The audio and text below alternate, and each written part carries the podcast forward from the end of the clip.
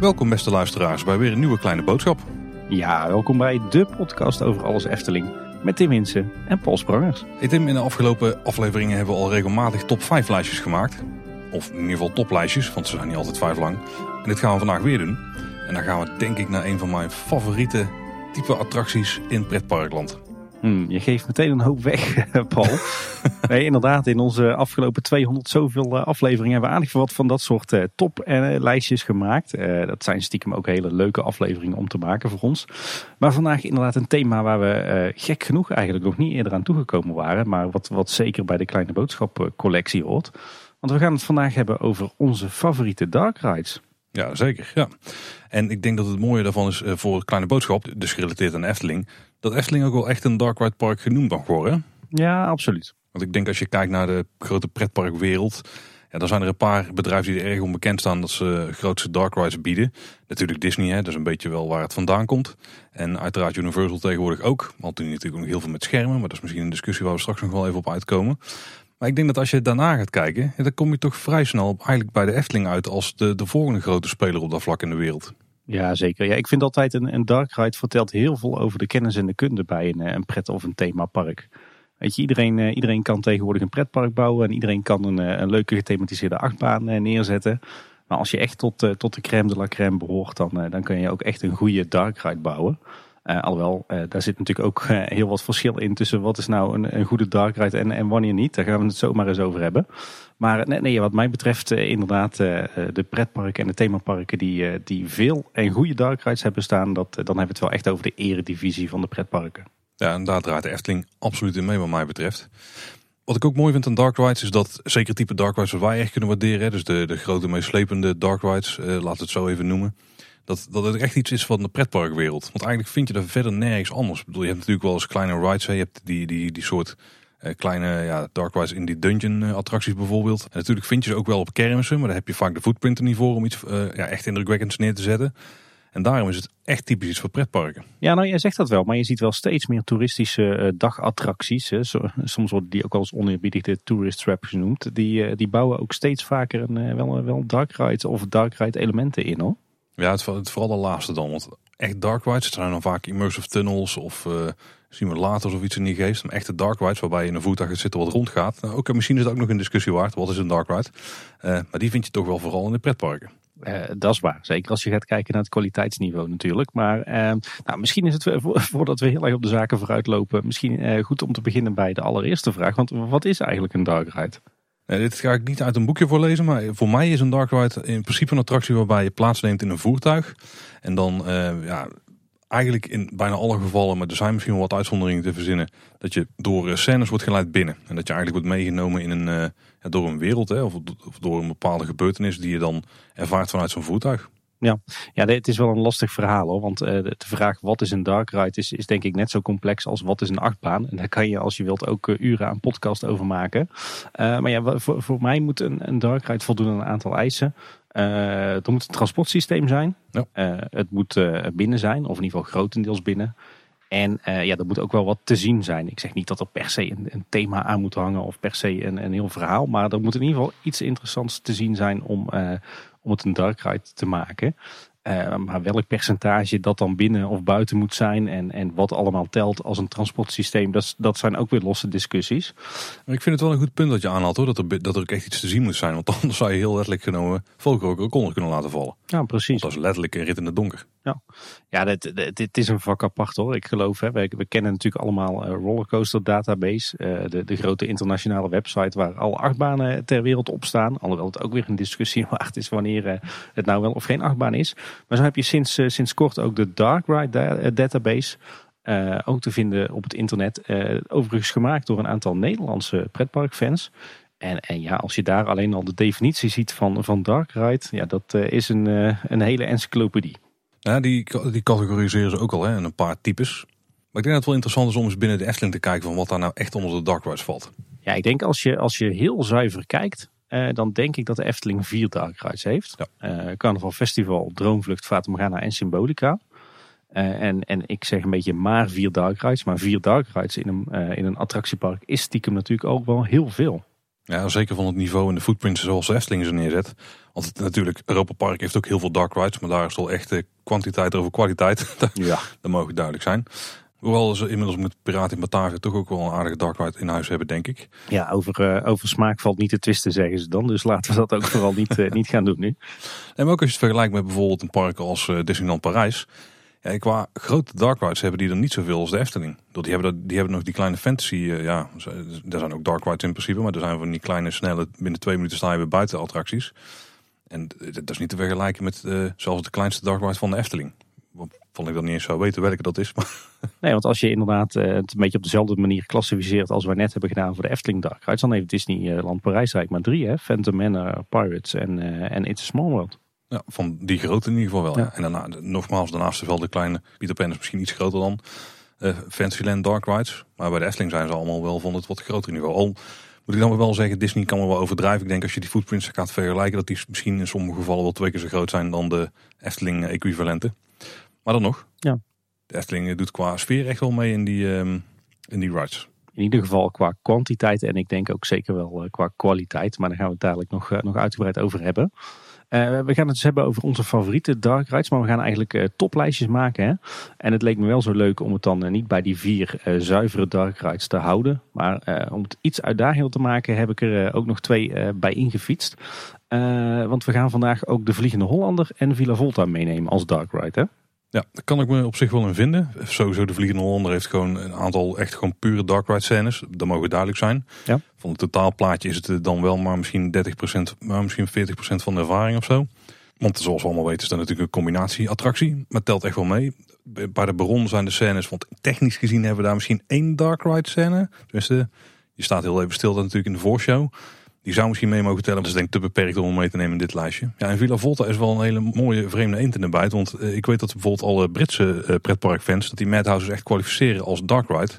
En uh, Villa Volta, ja, als je dat puur gaat kijken naar onze criteria, er is wat te zien. Het is binnen in het donker, tenminste in, een kunstmatig verlichte ruimte, laten we het daarop houden.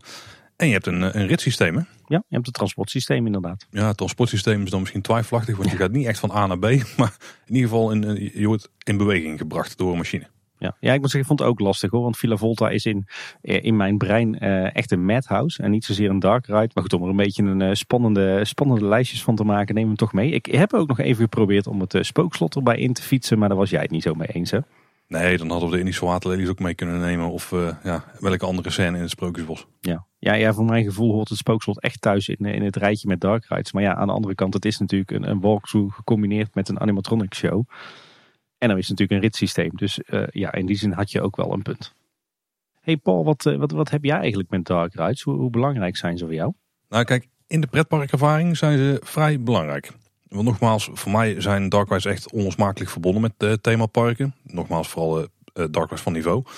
Jij zei net volgens mij dat je de kwaliteit van het park wel kon lezen uit zijn dark rides. Of daar kwam het een beetje op neer.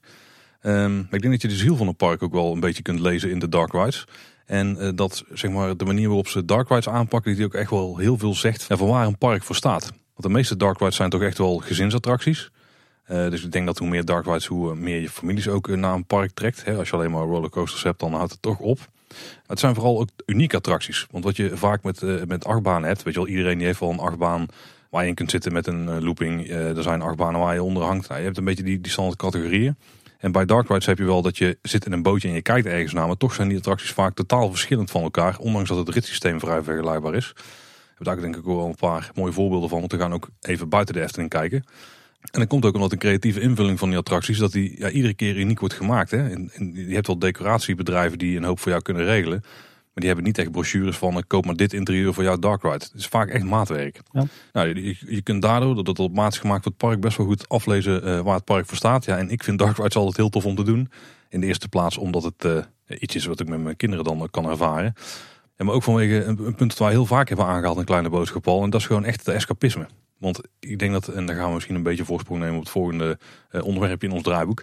Uh, maar ik denk dat een goede dark ride, dat die jou echt even meeneemt naar een andere wereld. En daar zit er niet alleen in de ride zelf, ook in alles wat er omheen gebeurt. En uh, hoe je bij het gebouw komt, hoe je de wachtrij in komt. Misschien een, een deel verhaal wat er omheen hangt. Alles is absoluut niet verplicht. Eh, maar het stukje escapisme wat die dark rides, wat goede dark rides met zich meebrengen. Ja, dat is wel echt waar ik een enorm zwak voor heb. Net zoals overigens alles in het themapark Lander. Ja. maar, maar, daardoor heb ik vrij veel met dark rides. Want dat is een van de plekken waar dat het beste tot zijn recht kan komen. Ja, ja, absoluut mee eens. Ik denk dat het uh, ook geen groot geheim is dat ik ook een uh, groot liefhebber ben van dark rides, al sinds mijn jonge jaren. ik denk dat het ook wel mijn favoriete attractietype is in een pretpark of een themapark. Wat ik net al zei, dat, dat zijn de attracties waar je nou echt aan ziet hoe goed een, een, park bezig is op het gebied van, van ontwerp en ontwikkeling. maar ook op technisch vlak, maar ook op esthetisch vlak kijk maar weer even naar al die, uh, die typische Europa Park en Fantasieland uh, rides. Uh, op zich zijn ze allemaal gethematiseerd en ze hebben allemaal een leuk ritssysteem. Maar dan zie je wel het verschil tussen esthetisch aantrekkelijk en, en meer het kitscherige. Aan de andere kant, ik denk wel dat een, een, een goed pret- en themapark wel meer moet hebben dan alleen dark rides. Ik denk dat ik een, een pretpark met, met alleen dark rides, dat ik dat stiekem heel erg saai zou gaan vinden. je hebt die natuurlijk wel, hè. dat zijn dan met name de indoorparken. Uh, maar ik denk dat het, uh, los van het feit dat een park een paar goede dark rides moet hebben, dat ze ook vooral een goede mix moeten hebben. Dus voor mij, mijn, mijn ideale pretpark heeft echt niet alleen maar dark rides. Wat je soms nog wel eens liefhebbers hoort zeggen. Maar moet ook mooie achtbanen hebben, wat infills, wat walkthroughs, groen, entertainment. Nou ja, de hele optelsom. Uh, dus die balans moet er wel zijn. Maar ja, ik ga niet, uh, hier niet lopen ontkennen dat, uh, dat ik groot dark ride liefhebber ben. En ja, dat mijn oordeel van hoe goed ik een park vind, dat het er ook zeker van afhangt hoeveel dark rides een park heeft. Maar met name hoe goed dat die zijn. Wat er ook nog eens bij komt kijken is, kijk, als je een achtbaan hebt, heel veel van ervaring gaat gewoon over wetenschap in principe. Hè? Het is gewoon G-krachten en hoe, en hoe worden die toegepast op je lichaam. En dat is de beleving die je hebt, zeg maar. natuurlijk, je hebt nog uitstraling van de dingen, je hebt uitzicht. Uh, in het donker kan belichting daar nog wat doen. En soms zit er ook een verhalend element aan. Maar bij Dark Rides werkt dat niet. Die kun je met wetenschap kun je die niet tot een hele toffe ervaring krijgen. Zeg maar. Er moet echt gewoon uh, heel veel creativiteit in worden gestopt. Om jou, ja, om jou te laten geloven in die sfeer die ze daar willen neerzetten. En ik denk dat eigenlijk de kunst van het maken van een goede Dark Ride, dat ik die ook enorm goed kan waarderen. En als je dan een Dark Ride doet en je voelt gewoon van, oh, dit, dit, dit zit echt goed in elkaar. Tenminste, bij een hele goede Dark Ride voel je dat niet eens. Maar dan vergeet je gewoon even, weet je wel, echt het escapisme dat je dus in zo'n ride zit. Ja, dan slaan ze de spijker op de kop en dan, uh, nou, dan, heb, je, dan heb je hem uit te pakken. Ja, ja en het, het, bijzondere is ook, het kan in principe in een dark ride op zoveel punten misgaan. Hè? Uh, als het, het verhaal niet goed in elkaar zit, als het een afgezaagd thema is, als het, het, het, het, het systeem niet goed is gekozen. Maar met name als dat ontwerp niet goed is uitgevoerd. Dus je kan als park nog zo'n mooi ontwerp maken, omdat je nog zulke goede ontwerpers hebt zitten. Maar als je vervolgens eh, een, middelmatige decorbouwer dat laat uitvoeren, ja, dan is die hele illusie is weg. Hè? Dat zie je toch stiekem best wel vaak in, in dark rides. Eh, niet in de Efteling trouwens. Nou heeft de Efteling natuurlijk de, de luxe dat ze heel veel goede decorateurs en vormgevers in, uh, in eigen dienst hebben. Die dat eigenlijk altijd wel zelf oppakken. Maar je ziet in, in heel veel parken waar ze dat niet hebben waar ze eh, de decorbouw eh, uitbesteden eh, en de techniek, dat dat daar vaak misgaat. Ja, dat vind ik wel interessant dat je dat zegt, want ik heb ook wel echt een paar afknappers binnen Dark Rides. Als ze die elementen hebben, dan, ja, dan, dan valt het al snel door de mand en dan geloof ik er niet meer in. En dan, ja, dan zal het ook niet super hoog scoren voor mij. Nou, dan ben ik wel benieuwd wat jouw afknappers zijn dan. Ja, ik denk dat je net al eentje omschrijft. als je echt zo'n plastic fantastic sfeertje hebt, daar hou ik gewoon niet van. Ja. Weet je wel, het liefste heb ik dat een Dark Ride geloofwaardig is. Het hoeft niet een plaats te zijn die in de werkelijkheid kan bestaan. Het moet er gewoon wel realistisch uitzien, zeg maar. Ook, het mag compleet fantasie zijn, maar weet je wel, de muren zijn dus niet super strak zonder enige textuur en zo. Dat werkt gewoon niet zo in de echte wereld, weet je wel. Dus, dus dat. Uh, waar ik ook echt vrij slecht tegen kan, heb ik gemerkt. Of in ieder geval waardoor het heel snel door de mand valt. Is als je van die, echt van die foto-opnames hebt van een moment en dat ze die dan in 3D uitbeelden. Carnival Festival zit daar bijvoorbeeld vol mee. Uh, vooral al de Jokie-uitbeeldingen eigenlijk. Want Jokie die zit dan op een scooter en die rijdt. En er, er komt een wolk achteruit. En je ziet daar de uh, wortslinger achteruit uh, komen, zeg maar. Maar die staat verder gewoon stil. Die is niet in beweging. Terwijl bijvoorbeeld in Fata Morgana, daar heb je gewoon kleine scènes die afspelen. En als je daar een kwartier naar gaat zitten kijken, dan blijft dat in principe kloppen. Dan zie je de herhaling wel flink terugkomen. Maar het is gewoon echt een... het is niet een fotoopname, maar het is gewoon een kleine scène die zich voor je afspeelt, zeg maar. En juist die, die fotoopnames, daar vind ik altijd een beetje zo'n hele goede kopen oplossing, zeg maar, om iets voor elkaar te krijgen. Ja, je, je bedoelt eigenlijk een scène waar je langs gaat, uh, waarin het lijkt alsof de tijd is stilgezet. Ja, en dan echt gewoon dus op een fotomoment. Ja. ja waar, waar iemand echt op pauze heeft gedrukt. Ja. Ik heb er straks wel een paar mooie voorbeelden van, maar dan spoil ik een beetje de aankomende lijstjes. Dus laten we dat nog even, nog even niet doen.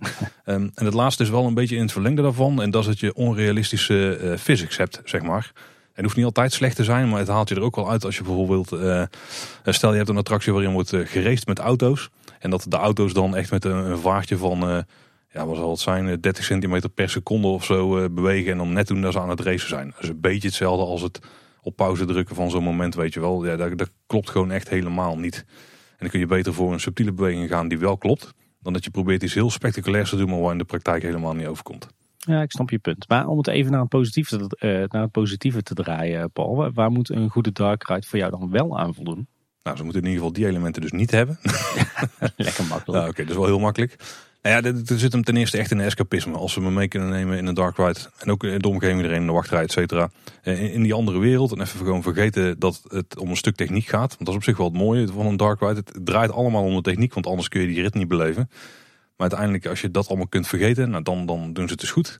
Um, ik denk dat dus ook de omgeving, de aanloop naar het uh, gebouw toe. Want laten we wel wezen, dark ride zitten meestal immers in een groot gebouw een stukje wachtrij en gewoon de hele sfeer die ze daar al meenemen. Dat vind ik uh, best belangrijk. Nou, dus die realistische omgevingen. Het mag echt wel fantasierijk zijn, maar het moet wel echt lijken, zeg maar. Ook wel belangrijk vind ik dat het enige lengte mag hebben. Het is heel onbevredigend als zo'n ride echt na anderhalf minuut al klaar is. Uh, dus bij enige lengte is toch wel belangrijk. Uh, ook niet onbelangrijk trouwens is goede muziek. Ook echt wel een belangrijk element van een dark ride van mij. Dat helpt je ook met het meenemen. Al kan het soms ook heel sterk zijn als ze juist heel subtiele, of misschien zelfs wel geen muziek hebben, maar juist de omgeving eh, zijn werk laten doen. Al zijn daar niet zo heel veel voorbeelden van in dark ride land. En wat ik ook eh, wel heel, ja, ik weet niet of het een eis is, maar ik vind het wel heel belangrijk, is dat je veel uh, afwisselende indrukken krijgt. Dus uh, niet dat je continu langs dezelfde smaak scène rijdt, om het zo maar te noemen. Mm -hmm. uh, maar dat je een beetje in kleine scènes komt, in wat grotere scènes. Uh, dat er iets groters wat beweegt, dat er kleine dingen zijn die bewegen. Dat er animatronics zijn. Wat mij betreft ook een heel belangrijk element overigens van Dark Rides. Maar ja, daar hebben we er steeds minder van. En ik denk dat dat uiteindelijk ook resulteert in een van de laatste dingen die ik wel belangrijk vind. En dat is dat er herhaalwaarde in zit. Ja. Dus dat je hem echt meermaals kunt doen en dat het dan nog steeds interessant blijft. En dat het niet ja, dat het niet één keer is en dat je dan denkt, ja, ik heb het wel gezien. Want als het heeft, ja, dan heeft het niet genoeg entertainment waarde, denk ik. Ja. ja, je maait heel veel gras voor mijn voeten weg, Paul. Uh, je, je, legt het ook voor mijn voeten neer. Tim de vraag, ja, dus dat is waar. maar hoe zit het bij jou dan? Heb je nog aanvullende dingen misschien? Of uh, ben je het met dingen niet eens die ik zeg? Ja, wel een aantal belangrijke dingen. Uh, wat voor mij wel heel erg belangrijk is bij een goede dark ride is, is allereerst een origineel thema. Je hebt natuurlijk tientallen dark rides uh, rond de, de, vertrouwde thema's. Denk aan piraten, denk aan cowboys en indianen, uh, denk aan jungle. Dinosaurussen. Denk aan spoken. Thema's die beginnen toch echt wel, wel afgezaagd te worden. Nou ja, dat waren ze 30 jaar geleden al. Of het moet echt heel goed uitgevoerd zijn. Maar een, een origineel thema, dat is wat mij betreft wel een vereiste. Ja, dan meteen een dilemma. Wat vind je dan belangrijker? Vind je een heel goed uitgevoerd thema? Uh, zou er nog boven een heel origineel thema komen die misschien iets minder goed is uitgevoerd? Of? Ik persoonlijk zie, zie veel liever een, een, origineel thema wat misschien uh, net niet helemaal goed is uitgewerkt. Dan het, uh, de zoveelste dark ride rond, rond spoken of piraten die, die heel goed is. Ik vind het juist al prijzenswaardig als een park eens een keer iets anders durft te doen wel mee eens dat het zeker prijswaardig is. Maar ik denk dat ik zelf toch voor de heel goed uitgevoerde, ook al is het afgezaagd, thema zou zijn. Hm, nou, dan hebben we daar toch een verschilletje te pakken. Ik vind dat, uh, ik vind dat concept wel heel belangrijk en het, het idee erachter. Uh, wat ik ook belangrijk vind is een, een geschikt transportsysteem. Het transportsysteem moet, moet sowieso geschikt zijn om te laten zien wat je wil laten zien in zo'n dark ride. Het moet ook passen in het plaatje en in het verhaal. en dat sluit ook een beetje aan bij de algemene kreet. Hè. De, de techniek moet, moet ondersteunend zijn, moet faciliterend zijn aan de beleving. Dus het, het rit, ritssysteem moet daar echt in passen. En het, moet in die zin ook wat wegvallen op de achtergrond. Het, het, moet kloppen, het moet logisch zijn. Dat is wel een belangrijke. Ja, goed punt. Ja, en verder, ja, het is bijna niet in een Nederlandse term uh, te vatten. Maar uh, immersive theming, oftewel uh, immersieve thematisering is dat dan denk ik in het Nederlands. Hè? Ja, dat klinkt toch wel minder lekker hè? ja, precies. Ja, weet je, wat mij betreft een goede dark ride, die moet gewoon uh, van top tot teen, van A tot Z, van, van onder tot boven, van links tot rechts gewoon uh, 100% uh, goed gedecoreerd en gethematiseerd zijn. Uh, dus het, het, moet niet uitmaken welke kant je opkijkt. Of je naar de vloer kijkt, naar het plafond, uh, naar de wanden. Of je kijkt naar, uh, bij wijze van spreken, de verlichting en de nooduitjes. En de inblaasopeningen van, van de luchtbehandeling. Alles moet gethematiseerd zijn en, en passen in dat plaatje. Hoeft, hoeft niet allemaal overdadig en kitscherig te zijn. het kan ook heel subtiel, maar het, het moet niet detoneren. En een laatste punt wat ik misschien nog wel het allerbelangrijkste vind is de storyline of het storyboard. Uh, daar heb je ook niet echt een, uh, een goede Nederlandse term voor, denk ik. Maar je kan op zich met, met storytelling, met het, met het verhaal kan je alle kanten op. Het kan heel impliciet zijn, het kan heel expliciet zijn. En misschien dat er zelfs wel geen verhaal is. Maar, maar het ritverloop, daar moet wel lijn in zitten. Het moet wel opbouwen naar, naar een climax. er moet spanning in zitten, er moet vaart in zitten. Uh, dat moet kloppen. Dus ik vind dat, dat je een goede dark ride moet ook uh, eigenlijk aangevlogen worden in de voorbereiding in het ontwerp als een film. Die echt geregisseerd moet worden. Maar ik denk dat een paar van de meest populaire dark rides, in ieder geval binnen de Efteling, want ik ken er vrij veel van. Er zijn toch rides waarbij je niet per se een verhaal hebt. Wel een wereld waar je echt in, in doorheen gaat, zeg maar. Waar misschien wel wel opbouw in zit. Uh, maar ja, pak best bijvoorbeeld misschien maar bij Droomvlucht. Die heeft helemaal geen verhaal. Misschien ook niet echt het opbouwen. Hoewel er wel een soort climax is. Maar dat is, ja, ik kan niet zeggen, het is bijna per ongeluk. Maar... Nou ja, je, je bouwt daar toch wel op naar uh, letterlijk en figuurlijk naar top Sompenwoud als een climax. Nou, je, hebt gelijk. Misschien dat die op dit punt inderdaad niet heel sterk is. Dat, uh, dat komt dadelijk misschien ook wel naar voren in mijn, uh, mijn toplijstje. Maar uh, bijvoorbeeld in de Fata Morgana zie je dat wel gaan. Hè? Dat begint heel erg terughoudend en, en, en ingetogen in die jungle. En dan bouw je langzaam maar zeker op. Kom je in die armenwijk uit. Dan ga je naar de markt. En het wordt steeds mooier, steeds, steeds rijker. Steeds rijker gedecoreerd ook. Uh, en dan wordt het langzaam maar zeker ook steeds spannender. En dan kom je bij die apotheose met eerst die troonzaal die gewoon heel mooi en heel rijkelijk uh, uh, ingericht en gedecoreerd is. En dan Jin als een soort, ja, als de zeg maar. Met nog een, een klein staartje erachteraan aan scènes. Maar, maar daar zit die storyboard wel heel goed in elkaar. En, en heel veel dark rides waar ik echt dol op ben, zowel in de Efteling als, als daarbuiten, die hebben gewoon een heel sterk hele sterke. Ja, ja, ik denk dat storyboard toch meer het, eh, het goede verhaal is. Dus oh, het echt een goede term is. Ik denk dat je er wel gelijk in hebt, uit. Want het is niet per se het verhaal. Want eh, Dark Rides hoeft helemaal niet verhaal te, te zijn of überhaupt een verhaal te vertellen. Nee. Maar als je gewoon door de manier waarop die is opgebouwd al die, die sfeer ervaart en die opbouw ervaart, dan doen ze inderdaad ook iets goed, ja. Ja, zeker mee eens. Nou, dus dat heeft denk ik ook te maken met, uh, met timing en snelheid. En dan is het echt niet zo dat het uh, per se allemaal sneller en spannender moet. Maar dan moet wel gewoon er moet goed naar gekeken worden alsof het, uh, alsof het echt een speelfilm is. Ja, ja en, en, en in, in de uitvoering moet het natuurlijk ook allemaal kloppen. Hè. De, de techniek moet werken. Uh, de, de decors moeten er uh, mooi uitzien. ik bedoel, dat, dat lijkt me allemaal vanzelfsprekend. Maar dat, is een beetje, dat, dat zijn een beetje mijn, mijn puntjes waar ik, waar ik van kan genieten als ik in een goede dark ride zit. Nou, als we dan over goede dark rides hebben, of dan misschien de eerstegene die een beetje onderaan het lijstje daarvan bungelen. Zullen we gaan kijken naar onze top 6 binnen de Efteling. Ja, want even voor de, de luisteraars die meeschrijven. Er zijn dus uh, de zes dark rides in de Efteling die we gaan ranken. Dat zijn uh, op alfabetische volgorde Carnaval Festival, De Vliegende Hollander, Droomvlucht, Fata Morgana, Symbolica en Villa Volta. En uh, Paul, we gaan denk ik van zes naar één werken. Hè? Ja, en mocht je het ook zo niet eens zijn met onze keuzes, dan moet je degene die voor jou niet boeiend zijn gewoon even eruit strepen. Heb je de top 4, ook prima. Ja, precies, inderdaad. We hebben onze toplijstjes overigens niet met elkaar gedeeld. Nee. Uh, die van mij die staan al wel enkele maanden in het draaiboek. Maar dan heb je als het goed is niet kunnen zien, Paul. Ik heb niet gespiekt, nee. dus, uh, dus dat wordt spannend. Ik ben benieuwd in hoeverre dat uh, onze lijstjes overeenkomen of, of verschillen. Dat is iedere keer toch weer een verrassing als wij dit soort toplijstjes maken. wat doen we, Paul? Wie begint? Laat jij Siri weer een keuze maken? Oeh, ik ga ze poging wagen. Tim, wat, waar ga jij voor? Kop of munt? Ik ga voor kop deze keer. Als je het goed hebt, dan mag je beginnen. Kop of munt? Deze keer is het kop. Mag ik weer beginnen? Ja, dit is echt slecht. Zul dit gewoon nooit meer doen wat doen we hier? Ik mag nooit beginnen. Ik weet niet wat ik heb gedaan bij Apple, maar uh, iedere keer als jij je kop of munt doet op een van jouw devices, dan, uh, dan win ik. Dus proberen we over te halen naar uh, de fruit side. Ja, niet gelukt. Nog niet. Ja, je hebt een iPad, dat is scheelt. Ja, die is van het werk, dus dat was een moedje. Oh, oké. Okay. Nou, verder naar de Dark Ride. Ja, mag beginnen Tim. Nummer 6. Ja, precies. Nummer 6. Ja, uh, toch wel met pijn in het hart eigenlijk dat hij uh, bij mij op nummer 6 staat. Maar uh, ik denk dat het niet een hele grote verrassing gaat zijn. Op nummer 6 staat bij mij toch Carnaval Festival. Ik heb al eens gezegd, het, het, niet één keer, wel meerdere keren van de bulldozer erin. Maar om heel eerlijk te zijn, denk ik er niet echt zo over hoor. Maar ja, waarom Carnaval Festival op de laatste plaats in mijn, in mijn top 6? Uiteindelijk is het toch gewoon een, een bedrijfshal van golfplaten met een stuk geveltje ervoor. Met een, ja, toch wel een, een ja, op zich aardig aangeklede veestalling als wachtrij met een bedrijfshal als opstapstation. Ja, de wachtrij of de attractie zelf is natuurlijk ook één grote bedrijfshal. Waar je ook kijkt, overal zie je golfplaten, overal zie je techniek. Uh, ja, de, hele decors, de, de, de, poppetjes. Het is allemaal heel erg rudimentair. Uh, het, is heel erg bont. Het is heel erg cartoony. Uh, het is natuurlijk niet Eftelings. Het, het detoneert enorm bij al het andere wat we in de Efteling zien, wat we goed vinden. dus ja, wat dat betreft zal het denk ik geen verrassing zijn dat Carnaval Festival bij mij op de laatste plek staat.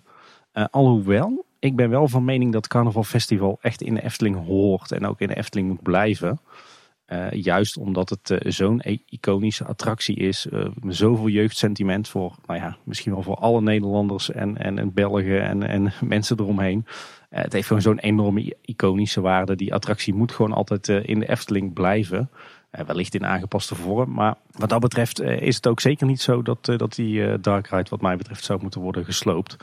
Uh, maar ja, wel mijn uh, minst favoriete Dark Ride. Uh, alhoewel, ik denk als je het mijn dochter zou vragen, dat die een hele andere score zou maken. Want die, zijn er, die zijn er dol op. Maar bij mij staat hij op de laatste plek. wel wat dingen die me opvielen toen ik hier eens goed over na aan het denken was.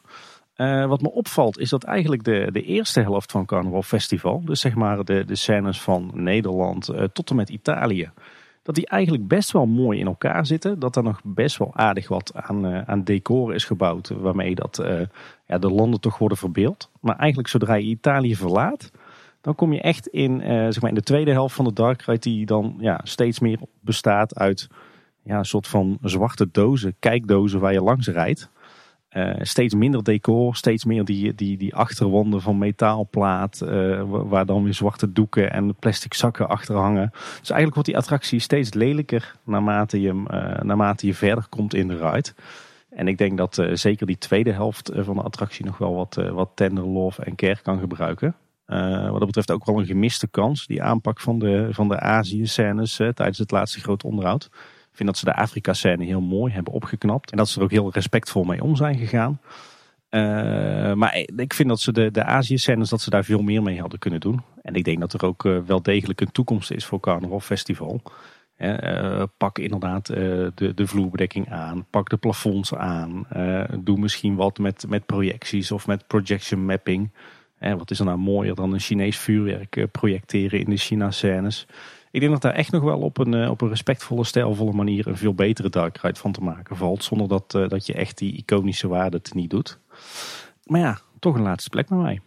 En we kunnen ze hier denk ik wel uh, samenpakken. Want het zal geen verrassing zijn dat het Carnaval Festival bij mij ook op de allerlaatste plek staat. Ja. En ik vond jouw uh, omschrijving Tim die je aan het begin deed. Dus van de bouwhal en de bedrijfs uh, kantine waar je opstapt, et cetera. Ik denk dat je echt daar een heel pak spijkers gewoon vakkundig bam in één keer op de kop slaat. ja. Want oh, dit, ja, dit is echt aan alle kanten Efteling onwaardig. En een hoop van de dingen die mij tegenstaan in, in Dark Rides en die ik dus ook heel veel zie in andere parken waarbij ik dan denk van ja, goede poging, maar het is het eigenlijk net niet. Er zijn uh, toch weer van die zaken als het plastic fantastic uitstraling, al is die dan meer uh, papier maché fantastic uitstraling. Maar ja. ik denk niet dat er echt een term is die wereldwijd gehanteerd wordt. Uh, maar heel erg ja, statisch, uh, grote vlakken in dezelfde kleur. Uh, dingen zijn geschilderd, zeg maar, die ook gewoon in 3D gevormd hadden kunnen zijn. Uh, behalve de neus natuurlijk, die zijn allemaal wel netjes 3D. Je hebt heel veel van die scènes die echt gewoon een, een pauzemoment zijn. Zoals eigenlijk alle Jokies. De, de, rest van de decors hebben er overigens een stuk minder hoor. Er zijn veel, vaak wel bewegingen die in een enigszins zinnig loopje afwerken. Maar wat, wat ook Carnival Festival eigenlijk niet echt goed doet, is die afwisseling in die indrukken. Want je, je rijdt er die eerste paar scènes heen. En buiten dat dan decors zijn dat je kunt herkennen dat het andere landen zijn, zijn het ook allemaal wel een beetje hetzelfde type eh, decor. Weet je, ongeveer de vergelijkbare groottes. Ik bedoel, vergelijk de elementen van de Nederlandse scène. Dus bijvoorbeeld een stuk met de kikkers, een stuk uh, met, met de danspaardjes, een stuk waar uh, het boerderijstuk. Vergelijk met een Duitsland scène of met een Italië scène. Dan zijn er allemaal een beetje scènes van vergelijkbare grootte, zeg maar. Met waar vergelijkbare dingen gebeuren. Frankrijk kan ook denk ik wel mooi in de rijtje toegevoegd worden. De afwisseling kan het denk ik beter. Alhoewel dat dan wel iets is wat we beter doen aan het einde. Uh, want dan krijg je wat kleine Japan scènes, zeg maar. Maar toch ben ik het ook wel eens met wat jij zegt. Want het de einde lijkt, ondanks dat het wel afwisselender is, wel ook wat minder moeite of wat minder zorg te hebben gekregen tijdens de ontwikkeling. Het lijkt er best wel stiekem op alsof toen de, de tijd en het geld op was, zeg maar, na Italië. Ja, misschien ook wel de ruimte in de attractie hoor. Want ja, je moet op een gegeven moment worden die gang uh, naar de geishas en zo verplaatst. Ja, daar is ook niet zo heel veel ruimte om iets te doen. Dan, dan zit je ook gewoon letterlijk naar een paar vlaggen te kijken die aan het plafond hangen, zeg maar, met een spotje erop. En daarnaast krijg je nog een paar um, Japanse mannen die naar je buigen. Ja, weet je wel, dat is gewoon een heel smal klein stukje. Daar kon ik niet zo heel veel anders misschien. Tenminste, er zal vast veel, zullen vast tiental alternatieven zijn. Maar eh, ik denk dat dit wel het ontwerp was voor die plek. Ja, ik denk dat je stiekem best wel nog wel wat van die attractie kan maken hoor. Weet je, eh, gooi overal die tapijtegels eruit en, eh, en doe wat met een, eh, een mooie coating op de vloer. Met daar een, een mooie print in. Hè. Kijk hoe dat ze dat bij Symbolica echt prachtig hebben gedaan. Nou ja, daar zijn hier natuurlijk ook eh, duizend en één mogelijkheden voor. Hang er een spanplafond in waar je, waar je een, een wolkenlucht op projecteert. Dat kan, doet volgens mij al heel veel. Ja, en de decors maak gewoon strakkere achterwanden eh, eh, waar, je, waar je gaat werken met een combinatie van eh, fysieke decors en projection mapping. Nou ja, volgens mij ben je dan al een heel eind en is in ieder geval die hele fabriekshal look is, is al een heel eind weg. Zonder dat je echt de, de, kern van, de kernwaarde van de attractie aantast. Want ik moet wel zeggen, hè, ondanks dat wij nu allebei redelijk negatief zijn aan deze attractie, heb ik ook wel een zwak voor Carnival Festival. Hoort het er wel echt bij. Eh, en nu met de kinderen, maar eigenlijk daarvoor ook wel, eh, zit er altijd wel een ritje in Carnival Festival in tijdens een dagje Efteling. Eh, en ik zou ook absoluut niet willen dat deze attractie het veld zou ruimen. Maar goed, er is nog volop ruimte voor verbetering. Ondanks dat mijn kinderen er ook redelijk aan verslingerd zijn. Hoewel die bij hun ook zeker niet op één zou staan, denk ik. Zou ik er niet heel lang van wakker liggen als hij weggaat. Natuurlijk, eh, er zijn allerlei jeugdherinneringen aan die attractie. Maar waarom zouden we niet een veel mooiere attractie neerzetten waar nieuwe jeugdherinneringen gemaakt kunnen worden? Zou ook niks mis mee zijn, toch? Ja, weet je wat denk ik een perfecte oplossing zou zijn? Kijk eens naar eh, Mickey's en eh, Minnie's Runaway Railway. In, waar staat het? Disney's Hollywood Studio. Dat is vast een, eh, een oude naam die ik daar gebruik. Nee, dat was MGM Studios. Dat je het vrij goed hebt. Nou, oké, ik zit eh, aardig in de, in de richting genoeg details geluisterd. Maar ik denk als je de, de, de techniek die daar eh, is gebruikt, fysieke decors en projection mapping, ik denk dat dat de oplossing is voor, voor Carnaval Festival. Hoor.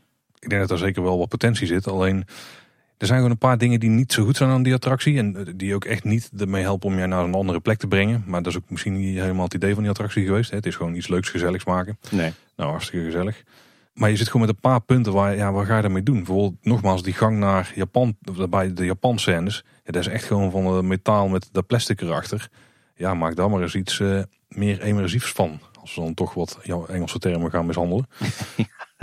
ja, ik, zie, ik zie daar dan niet per se opties voor. Maar bij de scènes wel. Ik denk dat daar vrij veel te doen is. En je moet denk ik ook een beetje af van die podiums inderdaad. Met ja, die tapijttegels natuurlijk. Maar ik bedoel, als je die eruit trekt en je legt er een printje voor in de plaats. Dan wordt het nog steeds van, van, van scènes die op een podium zijn. Ik denk dat ze daar iets natuurlijker moeten laten overvloeien of zo. Ja. Ja. Zou flink wel verbouwd moeten worden. Om er iets van te maken wat eh, echt goed mee kan in deze tijd. Maar goed, blijkbaar dus wel eh, met recht eh, op de zesde en laatste plek bij ons allebei. Dus. Absoluut, ja. Zonder twijfel. Hier hoef ik het minst lang over na te denken, denk ik. Maar bij mij, eh, bij mij iets, iets meer twijfel, maar toch. Eh, dan gaan we naar nummer vijf. Hè. Ja, misschien is die ook wel hetzelfde, Tim. Ben benieuwd. Opnieuw met eh, enige pijn in het hart door mijn persoonlijke betrokkenheid. Maar de Vliegende Hollander. Nou, zullen we er dan ook een gezamenlijke nummer 5 van maken? Ja, bij jou ook? Ja. Wat verdorie, wat zitten we op één lijn vandaag, Paul? Ja, maar dit is overigens absoluut niet omdat ik het een slechte Dark Ride vind. Of tenminste, het Dark Ride deel daarvan. Want ik heb het hier wel puur beoordeeld op het stuk Dark Ride. En niet op de totale attractie. Eh, tenminste, de aanloop en de station zo nog wel. Maar tot het moment dat jij eigenlijk eh, naar boven gaat de lift op, dan ben je, tenminste dat je naar buiten valt. Tot daar heb ik het zeg maar eh, meegenomen in de beoordeling. Ja, ik moet zeggen dat dat was bij mij ook een beetje een, twijfelpunt van waar kijk ik nou naar? Kijk ik nou naar het geheel of echt naar het Dark Ride stuk? Kijk, weet je, het is met de Vliegende Hollander. los dus even van mijn persoonlijke en daarmee ook emotionele betrokkenheid. De, de, de buitenruimte is fantastisch. Het idee is hartstikke origineel. Het is een goed verhaal. Het, het is een, een, echt een perfect verhaal voor de Efteling. Hè, met met, met de, de Nederlandse achtergrond. Het gebouw is prachtig. De gevels zijn mooi. Eh, nou ja, de wachtrij is fenomenaal. Ik denk dat er wereldwijd eh, weinig wachtrijen te vinden zijn die zo goed gethematiseerd zijn als die van de Vliegende Hollander. Eh, hetzelfde geldt voor het opstapstation. Eh, ik denk samen met de, met, met de opstapstations van Bron 1898 en Symbolica echt wereldtop. Eh, du- dus dat is allemaal hartstikke goed. Muziek is, is hartstikke goed. Eh, maar ja, dan begint de Dark Ride. En ja, dan stelt het eigenlijk niet heel veel meer voor. Kijk, het, het verhaal heeft, heeft enorm veel potentie. Ik weet ook wat ooit de bedoeling was. Nou, nou dat was een totaal ander verhaal dan, eh, dan wat we hier nu zien. Ik denk ook dat heel veel effecten uiteindelijk niet gebracht hebben wat het zou moeten brengen. Maar ja, het Dark Ride deel van de Vliegende Hollander is echt, denk ik, een fractie van wat het had moeten zijn en wat het had kunnen zijn. Als je naar zo'n havenscène kijkt, die, die boegen die zijn natuurlijk hartstikke eh, indrukwekkend. En ze hebben daar wel veel kunnen doen met licht en, en muziek en geureffecten. Maar wat je daar natuurlijk eigenlijk had willen zien is, uh, is uh, een tiental schepen, stijgers, de animatronic van Willem van der Dekken en Catharina. matrozen die, die op de boot, op de schepen staan en die aan touwen hangen. er had daar van alles moeten gebeuren. Het had daar één levendige boel moeten zijn. Ja, en niet twee dode scheepsrompen. Een nemmertje. Ja, precies. en, en, dat geldt ook voor de scènes daarna, hè? De, de open zee scène. Ja, het was natuurlijk prachtig geweest als je daar een enorm indrukwekkende sterrenhemel had gehad. En als je daar echt in de verte op een, eh, een, een havenstadje had, eh, had uitgekeken. Uh, maar, maar, maar kijk ook naar de, de scène daarna. De, de mistscène is natuurlijk prima voor, voor wat dat die is. Maar de grote apotheose daarna, het encounterschip, zoals het dan uh, destijds op de wandelgangen heette. Ja, dat is uiteindelijk ook maar een, uh, een klein stukje van de boeg van een schip. Met daarachter een, een gamma-schutting en vervolgens val je in een gat. Ja, met, met het hele verhaal had je natuurlijk zoveel meer mee kunnen doen. Dus ja, wat dat betreft um, heel veel potentie, het verhaal en het thema. Maar totaal niet uit de verf gekomen. Enerzijds door, door technische problemen en daarmee ook budgettaire problemen. En ja, dat geldt eigenlijk voor het hele Dark Ride deel. Ik denk dat er veel te weinig geld was voor het, het stukje Dark Ride. Terwijl er wel overduidelijk geld genoeg was voor bijvoorbeeld de gevels, de buitenruimte, de wachtrij en het opstapstation. En ja, dat is toch wel zuur voor een Dark Ride liefhebber. Nou, weet je wat is met de Vliegende Hollander, Tim? Kijk, soms heb je attracties en uh, daar is van alles aan te verbeteren. Uh, dat is misschien niet helemaal wat het had moeten zijn. En het is misschien ook niet helemaal top, maar er zijn er een paar elementen en die zijn zo goed... dat die heel veel goed maken voor de rest van wat er is. En er is één element van het Dark gedeelte van een Vliegende Hollander... buiten dus de aanloop, bewachterij en de opstaphal. Dus echt van het ritstuk, die ik wel echt enorm sterk vind. En dat is dus die open zee. Het is zo subtiel, zo simpel maar toch zo sterk en zo sfeermakend, zeg maar. Ik vind het echt een van de meest geniale Dark Ride scènes uh, die je ken eigenlijk. Vanwege de eenvoud en, en wat ze daar toch mee oproepen. En ja, het had meer kunnen zijn met de sterrenhemel erboven en een, dorpje in, in de verte. Ik had er niet eens bij stilgestaan. Ik vraag me ook af hoe je in een dichte mistbank een, uh, een sterrenhemel kunt zien überhaupt. Ik denk dat dat niet eens kan. Dus goed, misschien dat dat, dat, dat niet werkt. maar gewoon het hele concept daar. Ja, ik, ik hou er echt van. Ik vind het een van de tofste scènes uh, in, in Dark Ride. Ja, ik moet zeggen op het moment dat inderdaad die sluisdeuren open gaan in de haven. En je, je vaart inderdaad zo binnen in die uh, open zeescène. En die mist die komt al uit die ruimte gedreven. En je hebt inderdaad die hele mystieke muziek van, uh, van René Merkelbach. Ja, dan, dan, dan gebeurt er inderdaad wel wat. Dat is wel een hele mooie, kille, desolate ervaring, ja. En vooral met het lampje wat dan voor in de boot hangt. Als je achterin zo'n boot zit en je ziet het lampje dan een beetje voorin, dan voel je bijna hoe zo'n zeeman zich op zo'n open zee had moeten voelen, weet je wel. Met het enige wat je kunt zien is het, lichtje waar je zelf bij hebt. En voor de rest heb je echt geen idee wat er gebeurt. En moet je maar hopen dat het allemaal goed gaat komen. Ik vind die sfeer die ze erop roepen echt enorm sterk. En dat maakt heel veel van de Vliegende Hollander voor mij goed. Ja. Ja, en ik moet zeggen, daarna ga je door naar de mistscène. En dat gaat op zich ook wel goed. Want hè, er gaat natuurlijk een showdeur open. Maar dat merk je helemaal niet in de boot als het goed is. Nou, ik zie het ook inderdaad als één geheel. ik had niet ja. stilgestaan dat dat gebeurde. Dan wordt die mistbank steeds dichter en dichter. En dat is ook wel een heel gaaf effect, ja. En dan het moment dat je dan de encounter scène inkomt. Dan wordt die mist in één klap weggeblazen. En dan kom je in die onweersbui terecht. Ja, dat is inderdaad wel een, eh, een hele toffe ervaring. Dat ben ik met je, met je eens. Misschien dat uh, die havenscène aan de ene kant en de encounter scène aan de andere kant, dat dat nog de, de, de plekken zijn waar, uh, ja, waar, het, waar er zeker niet uit is gehaald wat erin zat. Nou ja, vooral die havenscène. Ik denk dat iedereen nou wel bij voelt van, goh, dit is niet echt wat ik had verwacht in de Efteling. Twee boten en een emmer die op en neer gaat. Ja, had inderdaad meer kunnen zijn. Ja, je, je mist daar echt die, die levendigheid hè, die je wel hebt in een uh, Fata Morgana. Dankzij de vele animatronics, maar ook dankzij de, de, de wisselwerking. Hè, de interactie tussen de, de animatronics en, uh, en jij als, uh, jou als toeschouwer. Ja, lastig, want je ziet, je ziet in de wachtrij en in het opstapstation wel wat het, hoe hoog de lat lag en wat het had kunnen zijn. Het, en toch vraag ik me af, wat ook hier ook dat ze nog een keer, nou, ik kan het je nou bijna niet voorstellen, maar dat ze tussen de banken ze nog een paar miljoen vinden en dat ze die er tegenaan slingeren om het eh, helemaal op te knappen en echt al die potentie eruit te halen. Maar ik zie ook best wel veel praktische moeilijkheden erbij. Want, want als je dan kijkt naar eh, de encounter scène zoals jij hem noemt.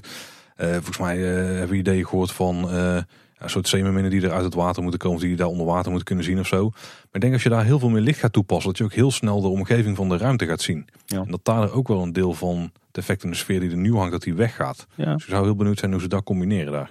Klopt, ja, een heleboel effecten zijn ook niet uit de verf gekomen zoals ze uit de verf hadden moeten komen. Hè. Denk aan de vallende boegbeelden.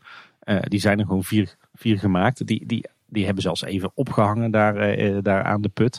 Ehm, maar die, die, ja, die, die vielen binnen het, het vrije ruimteprofiel, dus die moesten weg. de projectie van vuur op de, de, de, de, de regengordijnen langs de lift, ja, die kwam niet uit de verf, dus die zijn weg. Uh, de projectie van het spookschip op het watergordijn is, is ook nog steeds niet wat het had moeten zijn. Dus ja, zo, zo zie je een heleboel goede ideeën en, en, en hele sterke effecten die gewoon in de praktijk inderdaad niet echt uit de verf zijn gekomen. Waarbij ik me ook afvraag of dat ze goed uit de verf zouden komen als je het met moderne techniek oplost. Want stel we hebben vallende boegbeelden langs de lift, er is er ook gewoon vrij weinig ruimte. Hè? Ja, dat is ook natuurlijk uiteindelijk de oorzaak geweest van dat ze weg zijn gehaald, hoor ik net. ja. Daar zou dan heel veel de focus komen te liggen op die zijwand van die tunnel omhoog.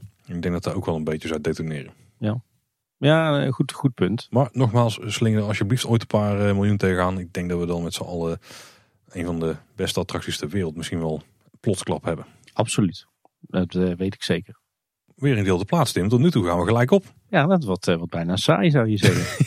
ja, zoals een nummer 4 gaan. Misschien brengt die wel verandering in de tent. Ik heb zo'n vermoeden van wel. Ja, ja, nummer vier is, is voor de derde keer deze aflevering weer met, het, uh, met pijn in het hart. Oh, dan twijfel ik of dat we zo ver uit elkaar lopen. Uh, dat is bij mij droomvlucht namelijk. Ah nee, we gaan uit elkaar lopen, ja. Ja, waarom pijn in het hart? Uh, ik heb persoonlijk heel veel met die attractie. ik heb natuurlijk in 1991 mijn eerste abonnement. Dus Droomvlucht is, is de eerste attractie waarvan ik de bouw echt van het allereerste begin heb, heb gevolgd als jonge Efteling-fan. samen met mijn opa. Uh, ik weet nog dat wij het, het eerste jaar dat de attractie nog niet open was, dat we toch iedere week uh, daar naar binnen gingen in de binnenmeandering om wat lekkers te eten en te drinken en dan, dan de making-of te kijken in die zaal. nou ja, daarna in mijn, mijn jonge jaren was een ritje Droomvlucht, was iedere dag dat wij er waren, dat was toch wel een must. één of meerdere ritjes. Nou ja, later heb ik uh, Anne, mijn vrouw, daar ontmoet op de lopende band. Uh, nou ja, zij werkte daar een aantal jaar. Dus dan ben je daar toch ook veel te vinden. Een aantal goede vrienden gemaakt. Uh, vrienden voor het leven ook. die bij Droomvlucht werkten. Heel veel uren daar doorgebracht. Dus ja, in die zin al een hele sterke band met Droomvlucht. Wat ik ook heel positief vind aan Droomvlucht is het, het originele thema. En die scènes waarin je echt ja, echt even helemaal betoverd raakt. Hè. Eigenlijk die, eh, die uh, mooie aquarelschetsen van Ton van de Ven, uh, waar je wordt ingezogen. Dat is allemaal heel positief aan Droomvlucht. Uh, aan de andere kant is me de laatste jaren ook wel steeds meer tegen gaan staan aan Droomvlucht. denk, nou ja, laten we maar gewoon weer van buiten naar binnen werken voor de structuur. uiteindelijk is Droomvlucht natuurlijk ook gewoon een kubus met een, een geveltje ervoor. Uh, nou ja, de, de, de buitenmeandering uh, is een tijdje geleden wel wat opgeknapt met die klim op aan het uh, plafond.